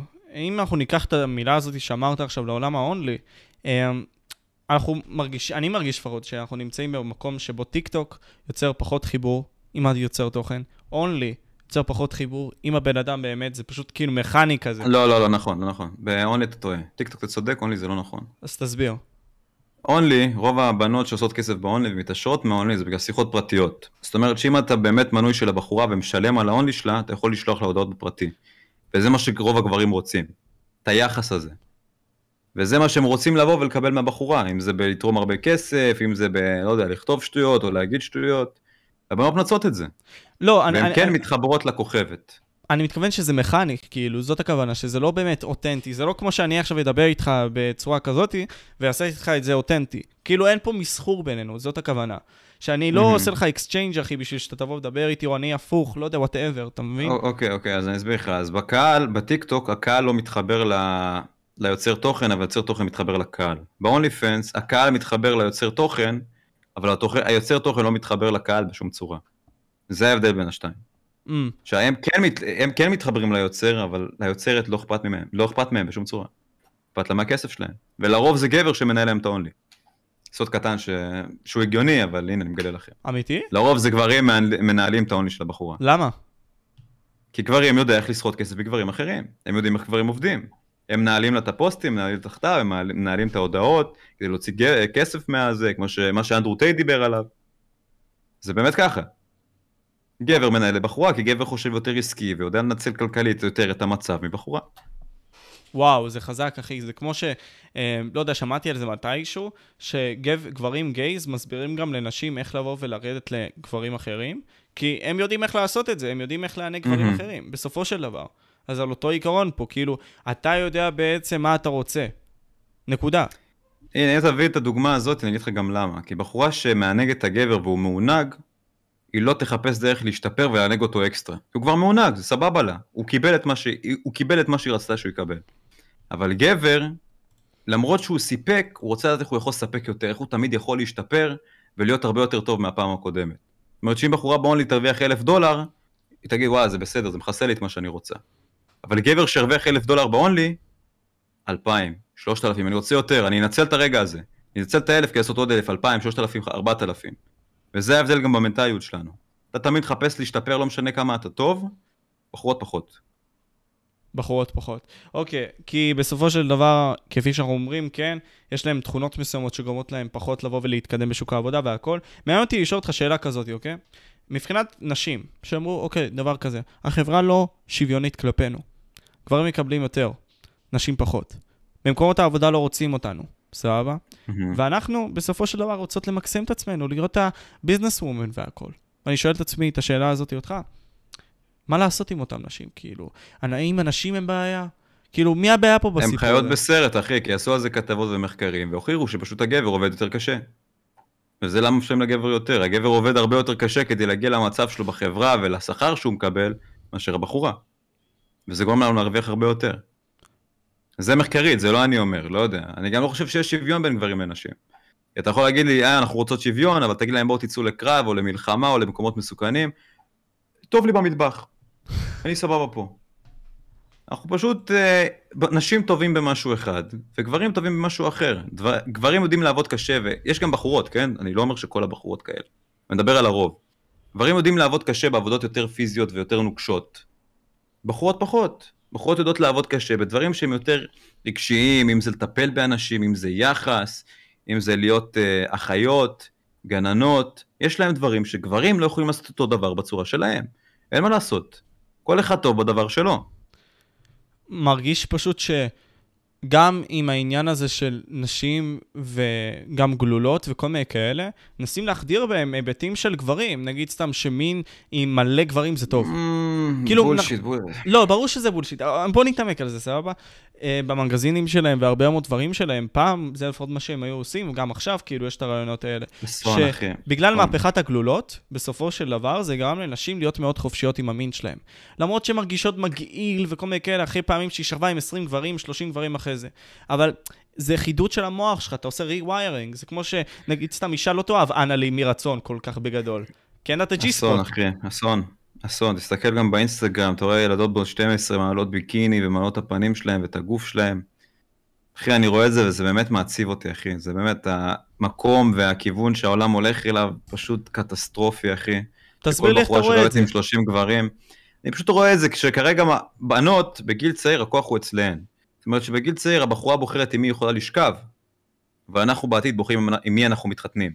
ולא אני, גבר שמעריך את עצמו, וכל שאר הגברים שמעריכים את עצמם, יבחרו אישה שעשתה גנגבנגים והזדיינה עם 50 גברים לפניי, כי איפה הערך שלך? איפה הערך שלך? זה כל כך קל להשיג מיניות לנשים, למה את נותנת את זה בקלות לכולם? אצלנו זה הרבה יותר קשה להשיג מיניות. אם אני אזיין אלף נשים, אני אביא אלף ילדים. אבל אם בחורה תזיין אלף גברים, מי אבא? לך תדע. זה עובד אחרת. אנחנו פה לכבוש, גבר, גברים הם פה להתרחב. אישה היא יותר... Uh, הם גם, שוב, כמו שאמרת, הן מרגישות את זה. הן מרגישות מגעיל עם עצמם. הן מרגישות שזה לא נכון, אבל בגלל שהחברה, שהחברה אומרת שזה נכון, אז הן מאמינות שזה באמת נכון. זה מה שאמרתי, 100 אנשים אומרים כן, אחד אומר לא, זה לא אומר שהלא הזה טועה. ורוב הסיכויים שהפעם, המאה האלה טועים. כי בחורה ששוכבת עם כל גבר, גם היא מרגישה מגעיל עם עצמה, גם היא עושה את זה לרוב בביטחון עצמי. אני אישית לא יוצא עם בחורות ששוכבות עם הרבה גברים. נגיד סתם, היה לי שיחה לא מזמן עם בחורה, שאתה יודע שהיא מאוד מינית והכל, וניסתה להזרים אותי והכל, אמרתי לה, שמי, אני לא מוכן להיות איתך למרות שהיא הטעם שלי, כי אני מרגיש שזה לא נכון. היא אמרה לי, למה? כי אמרתי לה, אני יודע שאת עושה את זה כדי לרצ... כאילו, כדי לתת יחס לעצמך, כדי להרגיש רצויה. ובהתחלה אמרה לי, לא, לא, זה לא נכון, היא פשוט פתוחה, ואז היא בסוף הודתה שהיא אמרה שרוב החיים שלה לא קיבלו אותה, ואז היא רואה שבגלל המיניות שלה מקבלים אותה. והיא רצתה את היחס הזה, בגלל זה היא כזאת פתוחה מינית. זה עצוב. וזהו, לא יודע, אחי, כאילו... בחורה חייבת לשמור על עצמה, אחי, זה כל כך קל להשיג סס, כאילו אם יש לך הרבה זהב ואתה מחלק אותו לכולם, זה כבר מאבד דרך, אנשים מאבדים ערך, כי אם באים אליך, תביא לי זהב ואתה מביא להם, הם לא יעריכו את זה כמו בן אדם שצריך לעבוד קשה כדי שהוא ייתן לך את הזהב הזה. אמת. תשמע, בסופו של דבר, עצוב. כמו שאמרנו, הערך של הגבר נמדד בעבודה שלו, איך שהוא עובד, וכל מיני כאלה, הסטטוס שלו וכל מיני כאלה. אם עכשיו אישה, בוא, בוא נשאל אולי נשים שיצפו בזה בכללי, בקליפ הזה אולי. אם נגיד סתם, את, שצופה בזה, רואה גבר, אוקיי? שהוא נמצא ברחוב, הומלס והכל, שהוא נראה כזה, אה, לא וואו, אוקיי? אבל בוא נניח את זה ככה, הוא הומלס. את תבואי ותצאי איתו? לא, לא נראה לי, אחי. כאילו, אין מצב שהיא תצא איתו. כי למה היא נמשכת, אחי? היא נמשכת לזה שהוא... בסדר, נגיד והוא היה נראה טוב, והוא היה הומלס. היא הייתה הולכת איתו? היא עדיין לא הייתה יוצאת איתו, לא. זהו. לנו יותר חשוב היופי, לבחורות יותר חשוב האופי. הן כן מתחברות ליופי בהתחלה, אבל האופי זה מה שקובע אצלהן. אצלנו זה בעיקר היופי. למרות שגם אם הבחורה אין לה משהו להציע לנו מבחינת ידע או משהו, והיא יפה והיא חמודה ודואגת לנו, זה מספיק לנו. אבל בחורה אם אין לך מספיק סטטוס, אם אתה לא מביא לה ביטחון, אם אתה לא משלם עליה, אם אתה לא דואג לה, אם אתה לא לצידה כל הזמן, היא תעיף אותך. אתה צריך להביא לה הרבה יותר דברים ממה שהיא צריכה להביא לך. אבל בסופו של דבר פה כן יש שוויון, כי בזוגיות צריך להיות צד אחד שדואג למשהו אחד, וצד אחד שדואג למשהו זה. נכון, אנחנו עושים יותר, אבל גם התפקיד של האישה הוא לא פחות קריטי. אם זה לדאוג לילדים, אם זה לגדל אותם, אם זה לטפח אותך כשאתה חולה, אם זה לדאוג לנו ולילדים שלנו. זה גם עבודה מאוד קשה, אחי. אז בוא ניכנס לזה, על התא המשפחתי בקטע הזה. מה אתה חושב על מונוגמיה ופוליאמוריה? למי שלא יודע, מבחינת המושגים, מונוגמיה זה כאילו התחייבות לבן זוג אחד, ופוליאמוריה זה כביכול אפשרות שאתה יכול לשכב עם כמה שאתה רוצה, ואתה במערכת זוגית עדיין. גבר יכול לשכב עם נשים ועדיין לא אוהב את האישה שלו באותה צורה, ואישה לא יכולה לעשות את זה. אתה יכול, אתה עומד לך בכל מצב, אתה יכול סתם עכשיו לדבר עם חברים שלך וסתם יעמוד לך, זה אומר, זה אומר שאתה רוצה לזיין אותם? לא. אנחנו פועלים אחרת. בחורה כדי באמת לגמור, ובאמת להיות uh, בסיטואציה מינית טובה עם גבר, היא חייבת אינטימיות, היא צריכה, איך קוראים לזה, אמונה, היא צריכה שיהיה חיבור פיזי, כאילו משיכה. אתה לא צריך את כל אלה, אתה יכול לשכב עם מישהי, גם אם החיבור שלך אליה לא כזה טוב. גם אם אין לך חיבור בכלל והיא נראית טוב, עדיין יכול לשכב איתה ולהרגיש טוב ואותו דבר. בחורות פחות. שוב, אני פחות רוצה להיכנס ולדבר על זה, כי זה מאוד קשה להסביר את זה בצורה טובה, אבל... אה, מה זאת אומרת קשה? כאילו, איפה אתה מתקשר? כאילו, אני מבטא את עצמי, ולפעמים, אתה יודע, אני מבטא את זה פחות טוב או יותר טוב, כי מאוד קשה לדבר טוב בסיטואציות האלה, כי מוצאים כל דבר מהקשרו. צריך לדעת לדבר ממש ב-100% כדי לדעת להעביר את מה שאתה רוצה להגיד בצורה טובה. אז תגיד לי, אולי אני אנסה להוציא את מה שאתה אומר פה, כאילו, אתה אומר לי, אישה, פשוט... מה שאני מנסה להגיד שאישה צריכה רגש בסקס וגבר לא בהכרח צריך רגש בסקס. זאת אז- אומרת, אני יכול לאהוב אותך בלב שלם ועדיין זה אין מישהי אחרת ועדיין לא אוהב אותך באותה צורה. כי אני יכול להפריד את הרגש מהסקס. אישה בלי רגש בסקס ובלי חיבור ואינטימיות לא תגמור ותהיה מחוברת לסקס כמו הגבר. כי היא צריכה להגיד סתם, אה, זה אפקט של ההיריון, אחי, בסופו של דבר, בגלל זה שהיא מכניסה מישהו אליה, זה מין סוג של, במוח שלה מייצר לה סיפורים, זה ההיריון הזה. נכון, וזה שיש עכשיו אמצעי מניעה גורם להם לפתח איזו מחשבה שקרית בראש שלהם שזה בסדר. פעם לא היה אמצעי מניעה, ובחורות עדיין מרגישות את זה וזה עדיין בהן, ביצר שלהן. שאם הן שוכבות עם גבר, המטרה של הסקס זה שהגבר יהיה אבא של הילדים שלי. והן נכון. מרגישות את זה. היא לא יכולה לשכב עם מי שבא לה, לא משנה כמה היא תרצה, אם אין לה חיבור אליו, ואם היא לא מרגישה בנוח איתו, היא לא תגמור, והיא לא תירטב, היא צריכה להירטב, אתה לא צריך להירטב. אתה, אני יכול לחכך אותך בקיר ואתה בסוף תגמור. אישה, אתה לא יכול לעשות את זה. זה עובד אחרת. אין ב- שוויון פה. בוא, נ, בוא נחדד את זה טיפה, זה לא, זה לא כזה נכון מה שאמרת לפני כן, שאמצעי מניעה תמיד היו, אבל לא במסה כזאת. כאילו, מהפכת הגלולות זה מסה, זאת הכוונה. אמצעי מניעה פעם היו, כאילו, למי, שמתעניין בדברים האלה. כן, אבל כרגע זה הופך אה, את הכל להיות ליותר לגיטימי כזה, אתה מבין? כי יש לך גלולות ויש לך קונדומים ויש לך זה. אוי, אז אני יכולה עכשיו להזדיין עם מי שבא לי ואני לא אכנס להיריון, אז זה כיף לי, אני אהיה שרמוטה. אבל את עדיין עמוק בפנים לא מרגישה טוב עם עצמך. אז יש בחורות שכן, אבל לרוב זה בחורות שלא יודע, עברו טראומות וחוויות, והן עושות את זה כדי להצדיק את הטראומות האלה. תמיד יש יוצא דופן, אבל שוב, אנחנו מדברים פה על הרוב. נכון, אבל יבוא הבן אדם ויגיד לך דבר כזה, אוקיי? אנחנו רוצים פה לעשות מהפכה, אחי. רוצים להגיע למצב מסוים שבני האדם, אחי, יבואו וישכבו אחד עם השני. סבבה? אני יכול לשלוט על החברה, אחי, וליצור אותה מחדש. אני יכול לבנות אותה ככה, שנגיד סתם, אם 100 שנה אנחנו נעשה ככה, אנשים שהם יהיו כאלה וילכו ככה, סבבה, הם יבואו ויכול להיות שיפתחו משהו בנוגע לזה. אז אם אנחנו נעשה את זה 200 שנה, 100 שנה, בני אדם יתרגלו לזה. אז מה רע בזה, במהפכת הגלולות? בזה שנשים, נגיד, סתם יבואו וירגישו טיפה מוזר, כי זה לא בסדר, אבל עוד 100 שנה זה יהיה נורמה, זה יהיה בסדר. כאילו, מה, איפה אתה מוצא בזה בעיה? אני לא מבין. איזה ערך בחורה יכולה לתת לי מעבר למיניות שלה ולאמון שלה? אני סבבה, אני מביא לך עבודה, אני עובד קשה, אני מצליח, אני מיליונר, אני הכל. אם את באה אליי ומה שאת יכולה להביא לי זה אמון בך ומיניות שלך, והמיניות שלך כבר הרסת, אז מה באמת יש לך להציע לי? אני רוצה שהבחורה שלי תהיה טהורה, שהבחורה תראה אותי בתור האחד שלה, ולא תראה אותי אחד מתור, מתור, בתור כמה. כי אין לך משהו להציע לי מעבר למיניות ולאמון שלך. וזה מה שאני רוצה ממך. אני לא רוצה שתהיי עכשיו אה, נועה קירל או אריאנה גרנדה, אני רוצה שתהיי אישה יפה, שדואגת לעצמה, שמעריכה את עצמה ואת מה שיש לה להציע לעולם, שזה המיניות שלה, היכולת שלה להביא ילדים לעולם, והאמון שלה. היא חייבת להיות נאמנה אליי. כי אם לא, זה בעיה. ואני בתור גבר, שאתה יודע, שהולך לדאוג לאישה שלו להכל מהכל. זאת אומרת, היא לא תצטרך לעבוד, אני לא רוצה שהיא תעשה שום דבר, אני רק רוצה שהיא תאהב אותי, שתפח את הבית ואת הילדים שלי. אני לא רוצה ש... שהדבר השני שיש לו להציע לי, שזה מיניות, יהיה מזולזל ככה, אם נגיד את זה ככה. ברור, אחי, ערך זה ערך, יש לו כל חשיבות. גבר בתת מודע תמיד יעדיף בחורה שהיא יותר שמורה מבחורה שהיא שרמוטה. אני זוכר שאנדרו טייט שאל את קל פריזי, אחי, לא יודע אם ראית את הקטע הזה, הוא שאל אותו משהו בסגנון הזה. אוקיי, יש לך חברה עכשיו, סבבה? אבל אם החברה שלך הייתה נותנת לך לגיטימציה, לשכב עם גבר אחר, היית עושה, עם אישה אחרת, היית עושה, עושה את זה?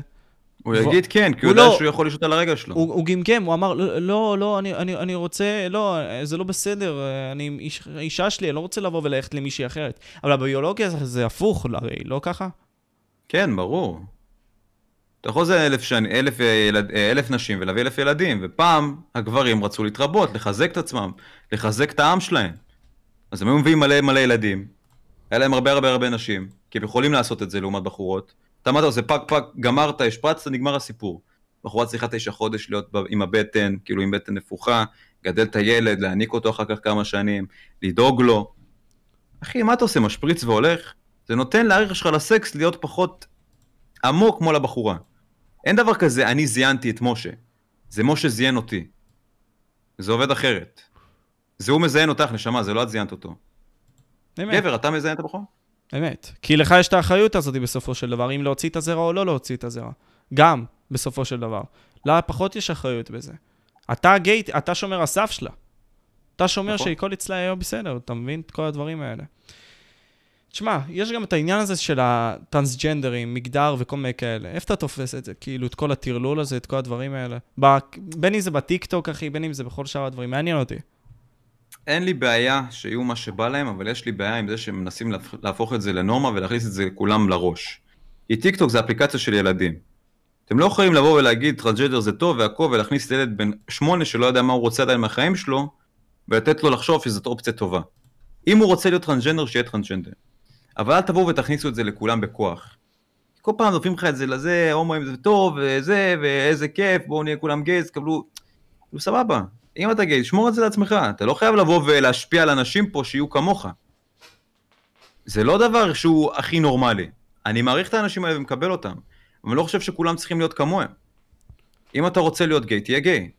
אבל אל תהיה גיי כי זה אמר שזה בסדר. תהיה גיי כי אתה באמת גיי. זה מה שאני מנסה להגיד. אני חושב שההשפעה החברתית, אנשים לא מסתכלים עליה. אתה יודע, דיברנו על זה לפני כן, ריין, כאילו, בקטע הזה ש...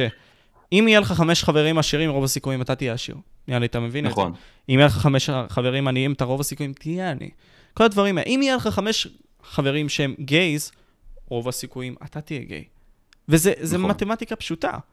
אבל אנשים לא מבינים את ההשפעה הסביבתית הזאת של כל המגזינים האלה, התקשורת והכל, עד כמה זה משפיע להם על המוח, אחי. לא שזה רע להיות גיי, אין לי בעיה שידברו על זה לאנשים שהם 16 פלוס ו-18 פלוס, אבל יש לי בעיה שמכניסים את זה לאפליקציות כמו טיק טוק, ומנסים להכניס את זה לילדים לראש, ומנסים כאילו לשלוט עליהם ולתכנת אותם, של כאילו תהיו כאלה. אנחנו רוצים שתהיו כאלה, שידעו שזה אופציה. אם בן אדם באמת גיי, הוא יהיה גיי, לא משנה מה תגיד לו. אם בן אדם, אם אתה גורם לבן אדם לפקפק במיניות שלו, לדעתי זה בעיה. כשאתה בא ואומר לו, הנה, אני גיי, אני מקבל בטוסיק, בוא תהיה גם אתה ככה. ואז הבן אדם כאילו, אה, זה כאילו, זה בסדר? כאילו, אני אמור גם להיות ככה? זה נורמלי? אני פחות מאמין בדרך הזאת. אני חושב שמי שבאמת, ב... מי שבאמת כזה, הוא פשוט יהיה כזה בכל מצב. אז- אולי בוא וישוויץ וידחוף את זה לכולם אה, לאוזניים. אז בוא ניכנס לזה, אחי. יש uh, ילדים עכשיו, קיבלתי לפני כמה זמן, אני עכשיו מראה את זה למסך ממש תכף. חבר שלי שלח, בגן, uh, נראה לי בגן או בכיתה א', משהו, רוצים להכניס עכשיו באיזשהו בית ספר לימודי חינוך מיני. סבבה? לימוד חינוך מיני. מה אתה חושב על זה, כאילו, על לימודי חינוך מיני האלה? נגיד סתם לשכבות הצעירות וכל מיני כאלה, לילדים הצעירים. אפילו בגן, אחי, נראה לי חושבים על לעשות בארץ. בארץ, אני לא מדבר בחו"ל. היום בדור הזה אני חושב שזה קריטי. פעם הייתי אומר לך שזה לא, שזה רעיון רע, אבל היום שלכל אחד יש גישה לטלפון ולמד, אני חושב שזה כן מאוד קריטי. כי אם אתה לא מלמד אותם מה זה באמת מיניות אמיתית, ואתה גורם להם ללמוד את המיניות שלהם מהפורנו, זה בונה להם מיניות לא נכונה, מיניות מוטעה, כי הפורנו הוא לא אמיתי, הוא לא ריאליסטי. תשים לב כמה בחורות היום, תבוא, תכה אותי, תרביץ אותי, תירק עליי. ממה זה נובע? מהפורנו, מהצריכה של הפורנו, ולחשוב שזה ככה זה עובד. וברגע שאתה מכניס להם את המיניות הנכונה בגיל מאוד צעיר וגורם להם להבין מה נכון ומה לא, זה גורם להם לגדול בצורה הרבה יותר טובה מבחינה מינית. אז אני בעד. אבל בגיל צעיר כזה, גיל שבע, אחי? תשמע, אחי, כמה שיותר מוקדם יותר טוב. כל וואו. עוד יש לו גישה לטלפון, אז כמה שיותר מוקדם יותר טוב. כי אתה אומר לי, בסופו של דבר, כאילו, יבוא כי ויתחכך עם בגיל זה. הזה הם נבנים מהסביבה שלהם. הם נבנים ממה שהם צורכים. אז מאוד חשוב שמה שיצרכו יהיה נכון. ולא פורנו וכל הפייק שיט שיש לך באינטרנט.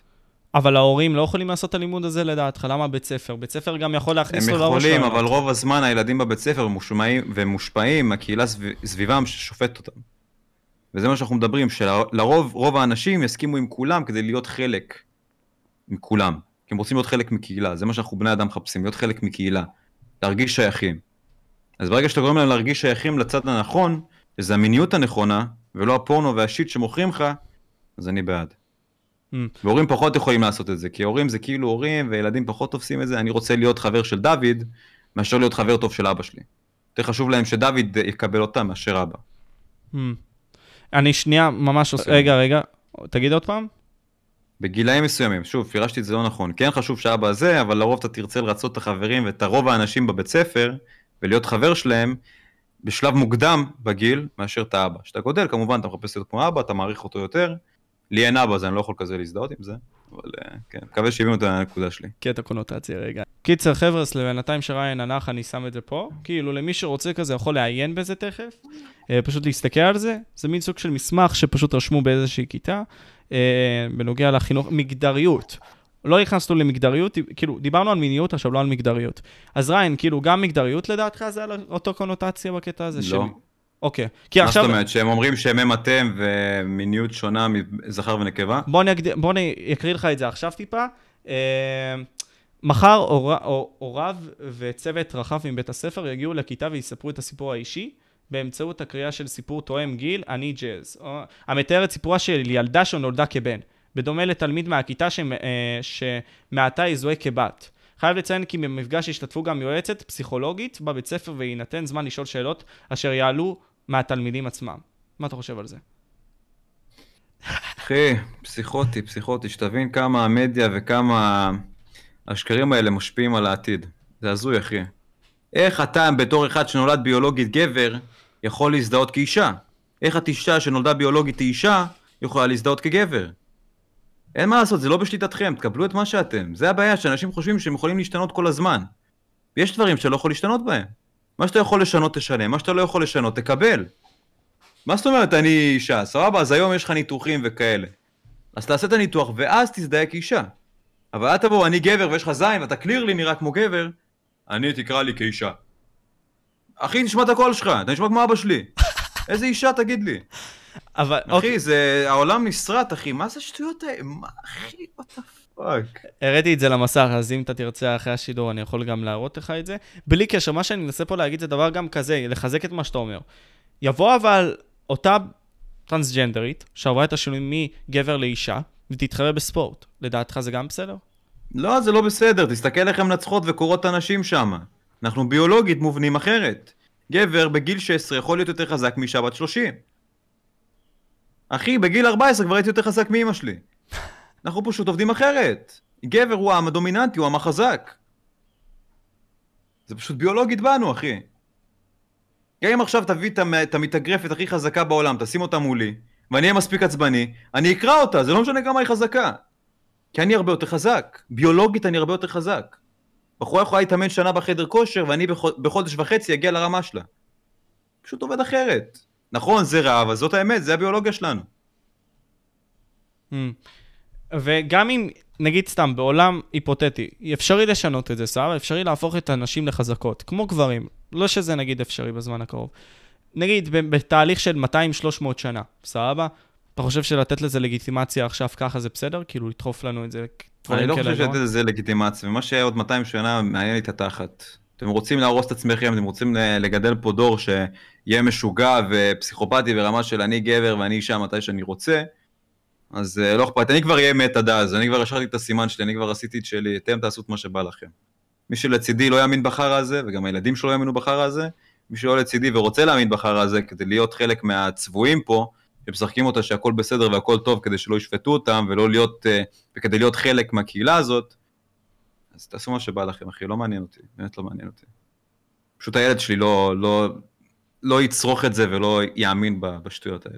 אבל זה קשה לא לחשוף את הילד שלך לזה, כי עוד פעם, דיברנו על זה מבחינת הקבוצה, אתה אמרת את זה בעצמך, בני אדם נמשכים לקבוצות, אז פתאום כל הילדים מהכיתה שלו, אחי, עם fucking טלפון, עם טיק טוק ועם כל הדברים האלה, ואתה, האבא, הבן אלף הזה, לא נותן לבן שלך, אחי, fucking טיק טוק. לא, אני אתן לו טיקטוק, אני פשוט אלמד אותו. אם תגיד לבן אדם לא, הוא ירצה את זה יותר. אם אני אגיד לך לא, אל תעשן, כל החיים שלך, אתה בסוף תרצה להתנגד, כי זה אינסטינקט כזה של בני אדם.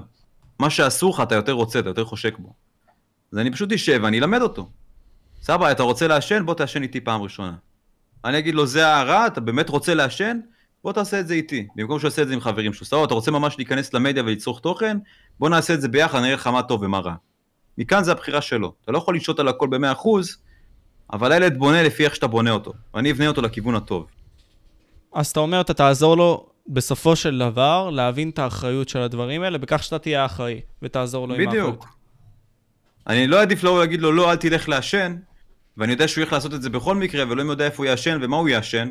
אני עדיף שהוא יעשה את זה איתי במקום בטוח עם אבא שלו, ירגיש איתי בנוח, וככה גם בעתיד יספר לי הכל. כי הוא יודע שאני אקבל אותו בכל מצב. אני אגיד לו את ה... איך קוראים לזה? את הטוב ואת הרע, ומפה זה בחירה שלו. תשמע, הנושא הזה מאוד מעניין. אני רוצה עוד פעם לחזור לאונלי, כי סתם עלה לי איזושהי קו מחשבה מסוים שאני אשמח לשתף אותך בו. בסופו של דבר, באונלי, נשים, הקריירה שלהם תהיה מאוד קצרה לדעתי. אתה חושב שעצם העובדה שיהיו כל כך הרבה שאריות של נשים שבסופו של דבר, אתה יודע, פחות התעניינו בהם והכל, והם עשו את הכסף הגדול באונלי כשהם היו צעירות, זה ייצור אולי דור כזה של נשים שהן חסרות אחריות, שעושות מה בא להם, אחי, ובגיל מבוגר מבקשות הכל מהגבר, אבל כבר איבדו את הערך גם בגלל האונלי. אבל זה קורה כבר עכשיו. תסתכל בחורות. הן חושבות שמגיע להם הכל, הם לא מבינים שהערך שלהם עם הזמן יורד. שוב, זה חוזר למשפט, בחורה כרגע שוכבת עם מי...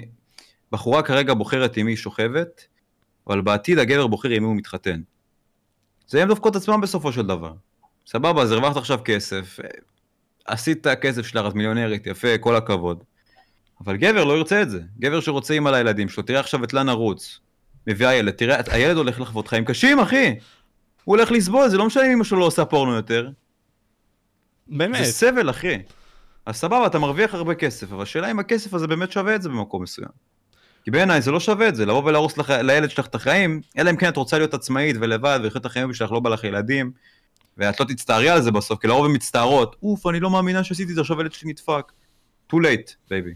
איחרת איחרת המועד שלך, הילד שלך נדפק. ואי אפשר למחוק את מה שאתה מעלה לאינטרנט בחיים. לא משנה כמה תנסה. כל זה נראה לי עניין של אחריות, אחי, שאנחנו בתור בני אדם, אחי, מחמיצים ואנחנו לא עושים. אחריות, אחי. כן. בסופו הם של דבר... מוכנות לוותר על אה, לקבל ערך טוב אצל גבר שייתן להם ערך טוב. כי שוב, גבר שמעריך את עצמו ומעריך את העבודה הקשה שלו ויש לו הכל, לא ירצה בחורה שהיא... שר... שוב, שרמוטה, שמוכרת את הגוף שלה שהכל, כי אז מה את מביאה לי בעצם? מה אני מקבל ממך? הגוף שלך אני רוצה שיהיה רק שלי. זה לא הגיוני שהרבה אנשים הביאו עליו ביד והרבה ראו אותו, אז מה מייחד אותי פה? פחות הקטע שלי. וזה פחות הקטע להרבה אנשים שיש להם סטטוס. ומעריכים את עצמם, סליחה. ונגיד, סתם דוגמה בשביל העניין הזה, נשים שמעלות תמונות כאלה של ביקיני באינסטגרם, מה אתה חושב על זה בפועל? זה נטו ליחס. הן מחפשות יחס. כמה שהם יבואו ויגידו לך, אני אוהב את הגוף שלי ואני עושה את זה בשביל הגוף שלי, כי אני אוהב את עצמי, סבבה, אז למה לא שומרת את זה לעצמך? זה חוזר לבן אדם השקט ולבן אדם הרועש. בכוונה עושה רעש, הוא רואה שזה מביא הרבה יותר לייקים. תמונה עם חולצה, 100 לייקים. תמונה עם ביקיני, 1,000 לייקים. מה היא תעדיף? מה יביא לה יותר יחס? מה יביא לה יותר DMs מגברים? מה יביא למפורסמים שיגיבו לה ב-DMs וגרמו לה לחשוב שהיא שווה משהו? מעבר לזה שמסתכלים רק על הגוף שלה? מה היא תעדיף? את האופציה השנייה. אבל היא גם לא פותחת אונלי, אז כאילו, אני זוכר, אמרתי את זה באיזשהו אה, סרטון אחרי זה פספוס אה, כספי כלשהו, כאילו, עם כמה שזה נשמע אם הבחורה רע. מינית, כן, אם הבחורה מינית שאוהבת את הגוף שלה ופתוחה מינית מבחינה של סקס ומבחינה של הגוף, ואת כבר גם ככה חושפת אותו לכולם בשביל יחס, כי בוא נהיה ריאליסטים, את עושה את זה בשביל יחס, אז לפחות תעשי מזה הרבה כסף. לדעתי זה חכם, זה גם ייתן לך ביטחון כלכלי ושקט. כי גם אם בסופו של... ברגע שיהיה לה ביטחון כלכלי, היא פחות תיתן לגברים לנצל אותה. היא כבר תרגיש יותר עצמאית. אז זה גם טוב במקום מסוים. Mm. על... אם אנחנו עכשיו נדבר על אותו אנדרו טייט, מה אתה, כאילו, אנחנו דיברנו עליו בתחילת התוכנית, כן? בקטע הזה ש... וואו, איזה טוב הוא לאינטרנט. מה אתה תופס בו שהוא עשה טוב לאינטרנט בקטע הזה, עם כל הדברים שהוא אומר והכל? שהוא כן, הוא כנה בצורה קיצונית, הוא אומר לך את האמת הקשה במקום את השקר הנעים. הוא אומר לך הכל בפנים, הוא אומר לך אם אתה נמצא במצב שאתה לא אוהב כרגע ואתה לא עושה כלום כדי לשנות את זה, זה אומר שנוח לך במצב הזה. וזה, אחי, לא יודע, רוב הדברים שהוא אמר השפיעו עליי, אחי, שינו אותי. אמיתי? שוב, יש דברים שאני לא מסכים איתו, ורוב הדברים נכונים, וזה דברים שאתה כאילו מנסה להסתיר בתת מודע שלך, וכאילו להגיד, לא, אין מצב שזה זה, והוא מוכיח לך שזה באמת זה. ולא אכפת לו מה אנשים יגידו, וכמה מוחקים אותו, וכמה זה, והוא גם היה לוחם, אז אני בכלל מעריך אותו, אני אוהב fighterים, אני אוהב אנשים שהם, אה, יש להם את ה killer instinct הזה, כי זה אומר הרבה גם על האופי שלהם. לא יודע, אחי. אני מאוד אוהב את הבן אדם הזה. אתה מאוד אוהב אני את חושב הבן שהוא אדם. טוב לעם הגברי, כי הוא מעורר אותך. כן, הוא אומר, הערך שלך בא מעבודה קשה, מטראומות, מחוויות שחווית. אחי, וזה נכון, רוב הדברים שהוא אומר נכונים. יש דברים גם שהם לא נכונים. הוא קיצוני, נגיד, אה, מבחינה מינית וכאלה, ואיך שהוא מדבר לבחורות. אני חושב שאתה צריך לבוא לשפחה, תכיני לי קפה, כן? שהוא מקצין, אני בטוח שהוא עושה את זה בצחוק. אבל כן, אני מסכים עם רוב הדעות שלו. זה כמו קומיקאי, אחי, לא כל מה שהוא כן, אומר לא בעצם... חייב לקחת כל מה. שהוא אומר ברצינות, ברור, בדיוק. קומיקאי, אחי. קומיקאי, אבל שהוא רציני, הוא אומר את הדברים מאוד נכון. מסכים, אחי, מסכים. אה, דיברנו על העניין הזה של האגרוף וכל הדברים האלה. אתה עוקב אחרי מה שעכשיו קורה עם KSI, דג'י וכל אלה? כן. מבאס, אחי, שעכשיו זה יצא מהקרב, הוא הביא איזה כן. מישהו אחר. אלכס ווסאבי. עצוב, אני רוצה ו- שזה יבוא לישראל. אני מנסה, אני מנסה להכין את זה פה בארץ, לבנות את זה. אני עכשיו אה, בקשרים ומדבר עם אנשים, ואני ממש רוצה שזה יקרה פה. כי תשמע, בסופו של דבר, כאילו, עם כמה ש... מה שקרה עם דה כהן ודניאל יונה וכל אלה, זה היה פחות כזה טוב ל- למשב רוח הכללי שלנו, אבל בפועל, מה שעמית פורטל ודה כהן עשו, זה היה מטורף, תכלס. זה נותן לנו, בתור יוצרי תוכן, את האפשרות, אחי, לעשות את זה אולי. לעשות אירועים, נכון. לגרום לנו גם לעשות את הרעיונות שלנו, ושזה באמת משתלם לנו. הם עשו רעיון לבד, זה הם בנו הכל, והם עשו הכל עם קשרים נכונים, ותראה כמה קל וכמה כסף הם עשו מזה. זה עכשיו פותח אופציות להרבה יותר דברים, זאת אומרת שעכשיו אם אני אעשה אגרוף, אני יודע שיש קהל, שאנשים קונים, אנשים משלמים. וזה ייתן לך את האופציה להביא לפה אירועים הרבה יותר גדולים של יוטיוברים. כי זה מראה שאנחנו קהל מאוד דומיננטי, ואנחנו יוצרים מאוד דומיננטיים פה. כמה אתה חושב זה יביא, נגיד סתם? עכשיו נעשה, לא יודע מה, חמש קרבות.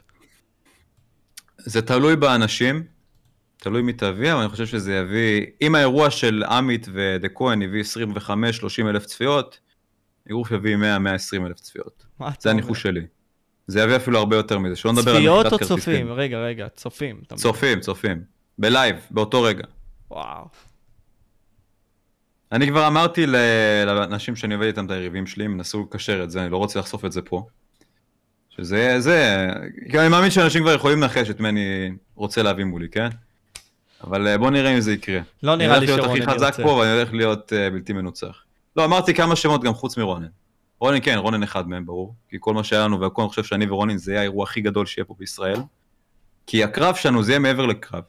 זה יבואו אנשים שבאמת אוהבים אותנו ומעריצים אותנו כמו משפחה. זאת אומרת שהם ירצו שאני אנצח כי הם באמת רוצים שאני אנצח, הם מעריצים אותי. וכנ"ל גם הקהל של רונן. לדעתי זה יביא הרבה אנשים, גם הקהל שלו מאוד בוגר, אבל זה כבר uh, בידיים שלו. גם אם לא, אני מעריך אותו, הכל בסדר, הוא לא יצא פוסי אם הוא יגיד לא. וזרקתי עוד כמה שמות, אבל אני כן רוצה שזה יקרה, ואני גם... אה, אני יודע שאני הולך להיות הכי חזק פה, אתה מבין? אז למה לא? let's go. let's go, אחי, בוא נוכיח. שאני מעבר לאוני פנס, אחי. let's go, אחי, אבל... אה, אבל אני לא חושב שהרבה כן. יוטיוברים פה יסכימו, כי אתה צריך killer instinct, אתה צריך באמת כשאתה נכנס לזירה, לדעת שמדובר פה בחיים ומוות, ולבוא עם, באמת עם מחשבה והרגשה שאתה פה להרוג את הבן אדם מולך או שאתה תיהרג. ולהרבה אנשים אין את זה. באגרוף זה מאוד מסוכן. מדובר פה על החיים, אתה משחק פה על החיים שלך. אני יכול להבין גם את מי שיסרב. ושווה להביא גם טיקטוקרים לדברים האלה? כאילו, מעניין. כל יוצר תוכן שמוכן לבוא ולהיכנס לזירה, אני חושב שמגיע לו לבוא ולהיכנס. דורש הרבה ביצים, דורש הרבה אומץ, אם אתה מוכן לבוא ולהיכנס לזירה ולשים את הפנים שלך, שיקבלו אגרופים בשביל entertainment, ובשביל האגו שלך, אני עושה את זה בשביל האגו. אני הבאתי שמות לא כי אני רוצה עכשיו את החשיפה ואת הזה, אני עושה את זה בשביל האגו שלי. כדי להוכיח שאני כל כך חזק ואני כזה fighter שאין לאף אחד פה סיכוי מולי. ומי שטיפה זלזל ובא מולי, תגיד לי את זה מול הפנים, בזירה. בוא נראה מה יקרה. מי. המנצח האמיתי? אבל למה אתה באמת חושב שהמספרים האלה יהיו כל כך גדולים? נגיד סתם, כי דה כהן יש לו איזה 260 אלף, עמית פורטל, דני עליון, הכל אלה. כאילו, למה אתה חושב שזה דווקא יניב כאלה מספרים? כי אמרתי לך, כי אנשים באמת מעריצים אותנו, אנחנו גם מביאים פה ספורט חדש, וזה משהו שיעניין אנשים. כי שוב, אתה, אתה עושה פה entertainment ואתה עושה פה משהו אקסטרים. boxing זה דבר שהוא אקסטרים. אתה בא, אתה מסכן את הפנים שלך, אתה מסכן את הראש שלך, אתה מסכן את המוח שלך, אתה מסכן את החיים שלך, וזה מביא הרבה יותר עניין. גם עכשיו, כל הסדרות שתראה, עכשיו יש The Boys, זו סדרה מאוד gory ית, שמדברת על אנשים רעים, שרוצחים אנשים ושהם אפלים, ואנשים הרבה יותר מתחברים לזה. הם מחפשים את האקסטרה הזה, ואני מאמין שאם אתה מביא פה אנשים שאנשים באמת מחוברים אליהם אישית, כמו משפחה, כי יוצרי תוכן ביוטיוב באמת מתחברים אלינו אישית מאוד, זה יביא בום גדול. ואם כהן וזה יביאו 30 אלף, אני מאמין ש... בעיקר אני ורונן יכולים להביא פה איזה, אפילו 200 אלף לדעתי. אם לא יותר. אני, אני, אני, אני לא יודע, אני קודם כל מאוד תומך. אני פשוט חושב שאולי המספרים האלה בינתיים כזה זהו, נשמע יותר מדי, אבל... תקליטו אותי, אם זה יקרה תקליטו אותי ותראו שצדקתי. אני לא טועה אחי. אני אומר לך שזה יביא 100 אלף עד 200 אלף צפיות. זה הריינג' שאני מנחש. וואו. אז אוקיי, בוא, בוא נפרק את זה. אתה מסתכל על אנשים בחו"ל, לוגן פול, KSI וכל מיני כאלה. איזה דברים, כאילו, אתה כבר לומד, כאילו, איך הולך הדברים האלה? אתה כבר הסתכלת ולמדת שיעורים מהם? כאילו, איך עשית, כאילו, באמת נכנסת לזה כבר? אה, תמיד הייתי מעוניין באגרוף ובספורט אה, האקסטרים הזה, כי אני חושב שזה גם חשוב לביטחון שלך. אתה יודע, כמו שאמרתי, העולם הוא לא נחמד. חשוב שתדע איך להגן על עצמך, איך להגן על הבחורה שלך, להגן על המשפחה שלך, ובשביל זה אין מה לעשות, אתה תתקל לפעמים בסיטואציות שאתה חייב הגנה עצמית, הגנה פיזית. אני לא אומר לך תבוא ותהיה אלים, אבל כן תדע שברגע שאתה נמצא בסיטואציה שאין לך איך לצאת ממנה, תוכל להתמודד. ואני אוהב את ה... את ה... לדעת שאני בטוח בעצמי. זאת אומרת שאם עכשיו אני נתקל בסיטואציה שבא אליי איזה ארס, כמובן אני אנסה להתרחק, כי אני לא רוצה עכשיו לריב, לא, לא מעניין אותי, אני לא יודע אם יש לו סכין או נשק, אבל אם אין לי ברירה ואני חייב להילחם כדי לשמור על עצמי, אני יודע שיש לי את הכלים לעשות את זה, וחבל על הבן אדם מולי. וואו. זה למה אני מתחבר לאגרוף, כי זה הגנה עצמית גם מעבר. אתה חושב שבסופו של דבר כן אתה תצליח לסגור כזה אירוע, או ת, תהיה בין האנשים שיבואו ויעשו את זה? כי תשמע, היו פה הרבה מאוד אירועים פוטנציאליים שיכולו לקרות, אבל בגלל אגו של אנשים זה לא קרה. אה, בשביל זה אני פה לרסק להם את האגו. אחי, לבוא, לבוא מולי בזירה זה נטו אגו. אני לא אפסיד, אחי. אני לא אפסיד, הבאתי פה שמות שכרגע אין לי שום סיכוי מולם, אבל אני יודע שעם הזמן ועם תאריך נכון וזמן נכון, אני קורא פה לכולם את הצורה. אבל הם יוצרי תוכן כולם, כן? כן, ברור. אין לך סיכוי מולם. כרגע, אתה יודע, אנחנו מדברים פה על מישהו שהוא פי שתיים מהמשקל שלי, פי שתיים מהגובה שלי. אתה יודע, זה דורש הרבה יותר עבודה, זה טכניקות שונות, זה עבודה אחרת. אני יודע שעם הזמן אני תמיד יכול, אני יכול לקרוא את כולם. וואו. אוף, אחי. אם אני נכנס איתך לזירה, לזירה אין לך סיכוי. אה, לק? זה מה שאני מנסה להגיד. אה, זה מה שאני מנסה להגיד. כל בן אדם פה שמסתכל חושב שיש לו סיכוי מולי, אין לך סיכוי. כן, אה? מאה אחוז ראיד. מאה אחוז, אחי. כמה אתה... ש... באיזה ווייט קלאס אתה רוצה להיות? 75, 70. אתה עכשיו שוקל אה, כמה? 70 בערך? פחות. כן, 70, 71. כן. אני מנסה עכשיו לעלות מסל, לראות יותר באפט. לבנות שריר. אתה יודע, כן, 70, 75 כזה. אתה בכללי, אבל בלי קשר, פחות רוצה להיכנס. כאילו, אם רונן באמת יצא לך לעשות איתו בסופו של דבר, אתם כן תפתחו את הדברים שפחות רציתם לדבר עליהם, נכון? כאילו, בפועל. ברור, ברור. פשוט מיותר כאילו עכשיו לדבר על זה לדעתך, או שאתה כאילו... לא, כי מעניין אותי, תשמע, היה את כל העניין הזה עם שלומי לקאו, שהוא בא ונכנס וכל מיני כאלה, רונן בא והגיב על זה טיפה, כאילו, אתה, אני, אני זוכר, פניתי לך בפרטי, סבבה? אמרת לי, משה, פחות בא לי לדבר על זה בפודקאסט. כאילו, פחות, נכון, כי הוא. שיקר. אז אני אגיד את זה פה, שיקר, הדברים שהוא אמר בלייב הם שקר, אבל זה לא מעניין אותי, אני לא רוצה להיכנס לזה, אחי. גם אמרתי את זה בזה, עשית, עניתי כי שלומי שאל אותי. אבל אמרתי, רונן אל תגיב, אני לא הולך להגיב לזה, ועובדה, לא הגבתי, לא כלום, המשכתי בשלי כאילו כלום. הנה, גם עכשיו אתה שואל אותי, אני אומר לך, הוא פשוט שיקר בלייב שלו. הוא אמר דברים כדי להוציא את עצמו טוב. ואם זה עושה לו, ואם זה גורם לו להישמע, להרגיש טוב עם עצמו, חופשי אחי, ברור. זה לא מפריע לי. כל אתה לא עומד לי בדרך, וזה גם מה שאמרתי בפודקאסט, כל אתה לא עומד לי בדרך וממש מנסה לפגוע בי ישירות, לא אכפת לי אחי, תשקר, תמציא עליי שקרים, תגיד מה שאתה רוצה, מי שבאמת מכיר אותי יודע שזה לא נכון, ומי שלא, שישנא אותי, הוא ישנא אותי גם ככה, תמיד אנשים שמחפשים סיבה לשנוא, יתפסו על כל דבר קטן. אז שנאו, לא יודע, לא, לא אכפת לי. אבל איך אתה, מש... כאילו, בקשר לזה, יש אנשים שיבואו אליך חזיתית וינסו כל הזמן אולי לבוא ולתקוף אותך. אמ, איך אתה בא ומסתגל לזה? כלומר, איך אתה בא ונגיד סתם, גם התכנים שלך, אתה מסתגל על הדברים האלה, על השינויים שיש ביוטיוב, כאילו, איך אתה... לא, לא לעבוד? קרה לי שמישהו ממש עמד מולי ישירות, זה לא? תמיד היה כאילו מהצד ודחיפות, והוא ראה שהוא עושה דברים כאלה, והוא משפיע לרעה, ותמיד כאילו אמרתי, סבבה, זה מה שאתה חושב, יש מצב שאתה צודק, אבל אני ככה, וזה לא פגע בי. אם משהו באמת היה פוגע בי, אז הייתה לנו בעיה. אבל זה, זה לא פוגע בי, כי שוב, כל עוד אתה לא מולי ואתה ממש מנסה לפגוע בי ישירות, ואתה ממש מנסה, לא יודע, ממציא שקרים, או עושה, משתמש בדרכים מלוכלכות כדי ממש לדפוק לי את הדברים שאני עושה ואת הקריירה שלי, לא אכפת לי, אחי, סבבה, אז תבוא תגיד מה שבא לך. כל אחד מותר לו להביע את הדעה שלו. גם אם היא שקרית, רונן. שיהיה לך בכיף, אחי, לא יודע. אני עסוק בשלי, אל תפריע לי. אתה, עסוק- הוא עס- אתה עסוק בשלך, זה מעניין. עכשיו, בוא ניכנס לעוד כמה שאלות, אחי. אה, יש את כל העניין הזה של הערוץ reaction שלך. מיסטר ביסט אמר באחד מהסרטונים שלו שהערוץ reaction שלו, הערוץ הכי רווחי שלו, by far. אתה רואה מזה כבר את הפירות מהערוץ reaction שלך? לא, ממש לא, אחי, זה, יש הבדל בין חו"ל לפה. אני משלם לאורחים שלי יותר ממה שאני מרוויח בסרטונים. אחי, זה אין מה להשוות. הם שם מרוויחים פי 8 עד 16 מאיתנו. אין מה לדבר. פה אתה משלם לעורך 50 דולר, 60 דולר, וגם זה עורך שהוא בן 16, אתה מרוויח מהסרטון 100 דולר במקרה הטוב. אז מה אתה באמת מרוויח פה? אז למה אתה עושה את הערוץ. reaction? כי אני אוהב את זה, אחי. כל מה שאני עושה, אני עושה מאהבה, וכי אני נהנה מזה. גם הערוץ gaming, שפחות או. יותר אתה... כן? אני כאילו עושה את הערוץ gaming כדי להצדיק את הגיימריות שבי לחזור לצאת החוצה. אני כרגע לא משחק במחשב בקושי, וגם אם אני משחק זה תוך כדי שאני רואה פודקאסטים או עושה משהו בצד, אני כבר לא נהנה ממשחקים כמו פעם. מרגיש שזה בזבוז זמן.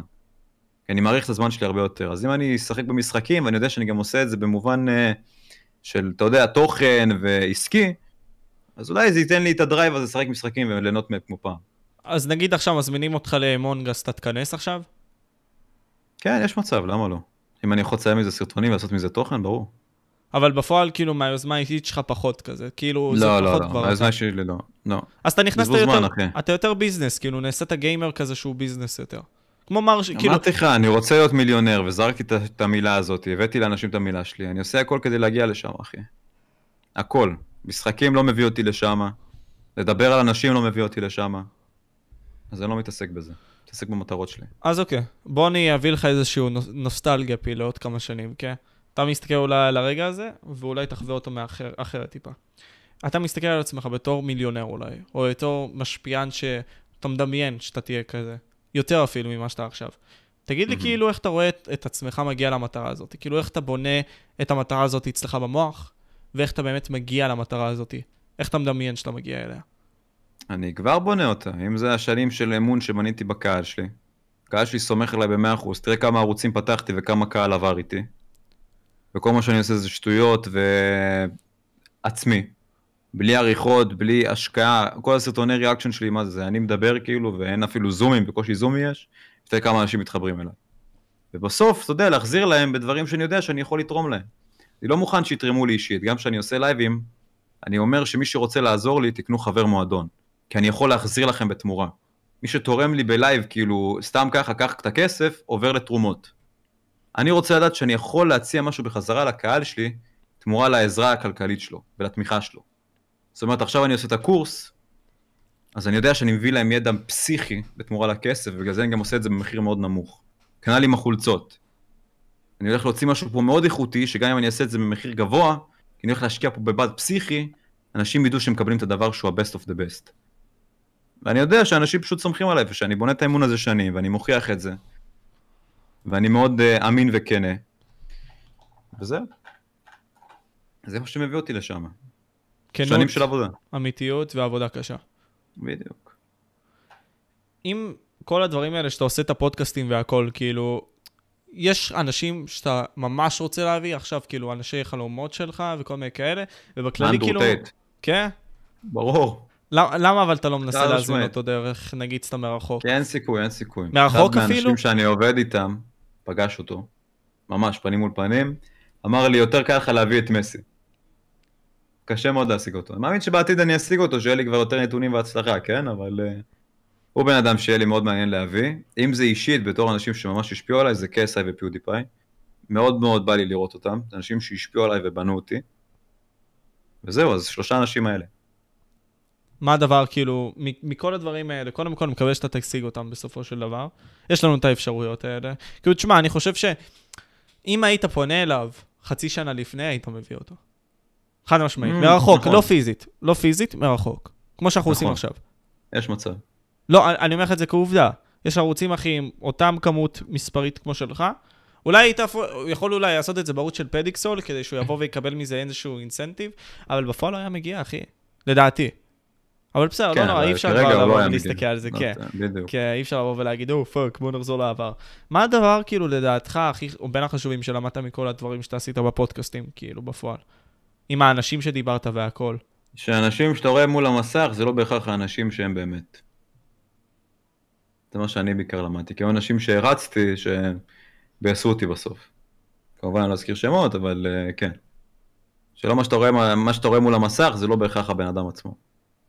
בעיקר בטלוויזיה וכל המולטי סלבים האלה, האולטרה סלבים האלה. יש סלבים שאתה פוגש והם כאלה חמודים וצנועים ובני אדם, ויש כאלה שהם כל כך אנוכיים ומגעילים, שאני לא יודע איך הם קיבלו את הפרסום שיש להם בכלל. כאילו, מבחינתך, היו לא מעט כאלה שפגשת בדרך שהם כאילו לא מה שמציגים באמת. זה הם כאילו הם דמויות. אה, מע- מעט, מעט. רוב האנשים כן אה, הוכיחו לי שהם אנשים טובים וחמודים ובאמת פתוחים ורואים את כולנו שווה בשווה כבני אדם, אבל היו מעטים שכן, שממש אכזבו אותי. שהיו מגעילים בצורה קיצונית. שהיו מגעילים בצורה קיצונית. זה מבאס, קודם כל, גם לי קרה לא מעט כאלה, שדווקא אנשים שגם הערצתי, שהם הגיעו לתוכנית כזה, הם היו פחות טובים. גם יוצרי תוכן שאפילו גדלתי עליהם. אה, ומבחינת המספרים שלך, נגיד סתם, בין אם זה נגיד סתם בספוטיפיי, אתה מסתכל על המספרים האלו שפחות? אני לא עוקב אחרי המספרים שלי בשום מקום, וזה בעייתי. לא יודע, אני פשוט... אה, אני מפחד להפוך לאובססיבי לזה. כי אני יודע שאני נהנה כרגע, וברגע שאני אסתכל על מספרים, ומה מביא לי יותר מספרים ומה פחות, אז אני אובססיבי לתוכן שיביא הרבה מספרים, מאשר לתוכן שאני באמת נהנה ממנו. יש לי עוד פעם אני לא אזעקה. כזה עוקב. עוד פעם, תשמע, אני אגיד לך מה, כאילו, אם עכשיו אנחנו ניקח את זה לקליפים, זה מטורף. כאילו, יש פה מלא קליפים, אחי. כאילו, מלא. שאפשרי לבוא ולקחת, בלי קשר. תשמע, בוא, נ, בוא נסתכל על זה ככה. אתה רואה גם את הפוטנציאל הזה של הפודקאסטים עצמם מבחינת הנגישות שלך לקהל? זה כאילו נותן אפשרות לקהל יותר להכיר אותך אותנטית לדעתך? או שאתה כאילו חושב... כאילו, איך, איך, איך אתה חושב שהפודקאסט הזה עזר לך עד כה? מה זאת אומרת, הפודקאסט הזה עכשיו? לא, הפודקאסט שלך, בחיים? שלך, אישית, פודקאסט. אני חושב שזה פחות גורם לאנשים להתחבר אליי, כי אני לרוב לא מדבר על עצמי, אני מביא את האורח, אני פונה אליו. אבל אם יש פודקאסטים שאני מדבר אני אישית, שיש לי כמה וכמה כאלה, אז כן, ברור שזה מחבר אנשים אליי. אבל רוב הפודקאסטים שבאמת הכי גדולים, עם רון נשר וכאלה, אני פשוט המארח, אתה מבין? רואים אותי פשוט, אה, זה המארח, אני לא מכיר אותו אישית. אבל פודקאסטים שאני לבד, כן, ברור. זה עזר לך, אבל נגיד סתם עצם העובדה שהבאת את אותם אנשים לעשות כל שהם חיבורים וכאלה? כן, ברור, בונה לך קשרים, בונה לך אנשים. רובם אני בקשר איתם עד היום. אנשים מדהימים, רון נשר אחד מהם. אתה בונה פה קשרים, אתה רואה את האופי של הבן אדם, אתה רואה כמה אכפת לו מהאנושיות שלו מעבר לפרסום ולהצלחה שלו. אתה מתחבר בסוף לאנשים האלה. אתה Mm. כאילו מרגיש את ה vibe שלהם והם מרגישים את ה vibe שלך וזה מתחבר בקלות. אני מרגיש שרון נשר הוא מאוד זהה לך, כאילו בקטע הזה. מהמם. שאתם מאוד אנשים של האמת שלכם, לא משנה ההשלכות, ומשתדלים כמה שיותר להיות אותנטיים בדברים שאתם אומרים. נכון. כאילו, אני חושב שזה גם למה התחברנו.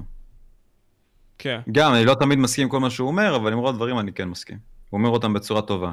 הוא ואנדרו טייט יודעים מאוד לבטא את הד- את הדעות שלהם בצורה מעולה שכולם יבינו. אני עוד לא יודע. אבל אני יודע שבעתיד אני כן אצליח. כמו שאנדרו טייט, אתה מבין את הדברים שהוא אומר ויודע לבטא את עצמו מעולה, וכנ"ל רון נשר, הם מעולים בלדבר והם כריזמטיים בטירוף. אני לאט לאט גם מגיע למצב הזה. נקווה שאתה אני, אני תגיע יודע. לדבר, אבל אני לא יודע, אתה יודע, להביא את המשפטים האלה שקולעים בול ונכנסים לך לראש, זה לוקח זמן, זה לוקח ניסיון. אני גם לא מדבר הרבה על דברים עמוקים, אתה יודע, אני לרוב ציני כזה וכיף, והצד הכיפי שלי. אבל ברגע שאני מדבר רציני, אז uh, לפעמים נפלט. כמו שאמרת, יש פה קליפים ופה, בוא נקווה שזה לטובה. בוא נקווה שזה לטובה ולא ייקחו את זה סתם כאילו כ- כדי לעשות sound bites מסריחים כאלה. אה, שיקחו, גם זה סבבה. לא. בוא נגיד לא את זה, אותי. בוא נגיד את זה ככה ריין, בתור שאלה אחרונה כזאת, תשמע, קודם כל נהניתי איתך as always אחי, אני תמיד אוהב לדבר איתך, אתה מבין האנשים שכאילו מה זה כיף לי לבוא ולהביא, כי, תשמע, אתה זה מאוד. אותנטי אחי, אתה מאוד מי שאתה, ו... אתה מנסה כמה שיותר להביא את הקול השונה הזה, ואני מאוד שם לב את זה אצלך, ומהרגע הראשון אחי שמתי לב את זה אצלך, אני אגיד לך את האמת, אז כאילו, keep on doing אוהב that. לקחת סיכונים. גם כמו בחולצת choose yourself this time. תבחר בעצמך, תהיה אתה, תאמין בדרכים שלך, מבטיח שזה ישתלם בסוף.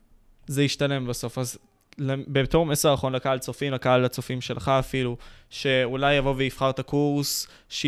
שיבחר בהזדמנות גם את החולצה שלך כשהיא תצא. אמ, כל הקהל הלויאלי שלך וכל הקהל הלויאלי שלי, שלי, איזה מסר היית רוצה להשאיר להם? שתודה רבה שאתם מאמינים בי, ושאתם רואים את האמת שלי, שאתם יודעים שכל מה שאני דואג להוציא ומה שאני מבקש מכם לקנות, זה באמת משהו שבא ממקום טוב, ואני באמת רוצה להציע לכם ידע, שבאמת יעזור לכם לשנות את החיים. כי אני באמת חושב שהקורס שלי, אני לא רק חושב, אני מאמין ובטוח שהקורס שלי משנה חיים, לאנשים שיקחו אותו ברצינות, לאנשים שרוצים לשנות את עצמם ומוכנים לעבוד קשה. אם לא תעבדו קשה, שום כסף ושום קורס לא ישנה אתכם.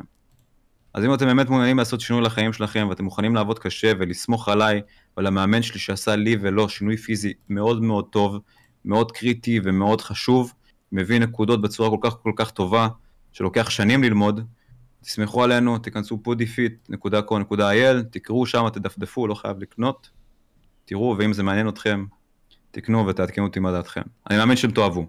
ואם לא, חושב- תגידו לי ואני אדאג שזה יהיה פרפקט פעם הבאה. אפשרי גם נראה לי להעלות לסטורי את הדברים האלה בכללי, שאולי גם ריין יבוא ויראה את זה וכל מיני כאלה, מה שאתם חושבים. כן, והכל. תתייגו אותי, מי שקנה, הכל, דברו איתי בפרטים, מי שלא הבין משהו ורוצה הסברים, אני פתוח לכולם, כמו שהייתי מדבר על שמנים, והרבה ניגשו אליי אישית ודיברו איתי בפרטי, והבאתי להם טיפים שלי. כן, מאוד קשה לענות לכולם, שולחים לי הרבה הודעות, אבל למי שאני יכול אני אענה בכיף, ובעיקר מי שתומך בי ככה וסומך עליי. אז אני מת עליכם, מעריך את זה מאוד. ואני מת עליך, אחי. ממש מעריך את זה שהגעת, אחי. לך למכון, תפגיז. ותשמע, מקווה שנהנית, אחי, סך הכל ניסינו יאללה, להעביר פה מסר. נתראה עוד פעם, יאללה, שאני אהיה נתראה. יותר גדול, שאני אהיה מיליונר. יאללה, ביי, אחי, ביי.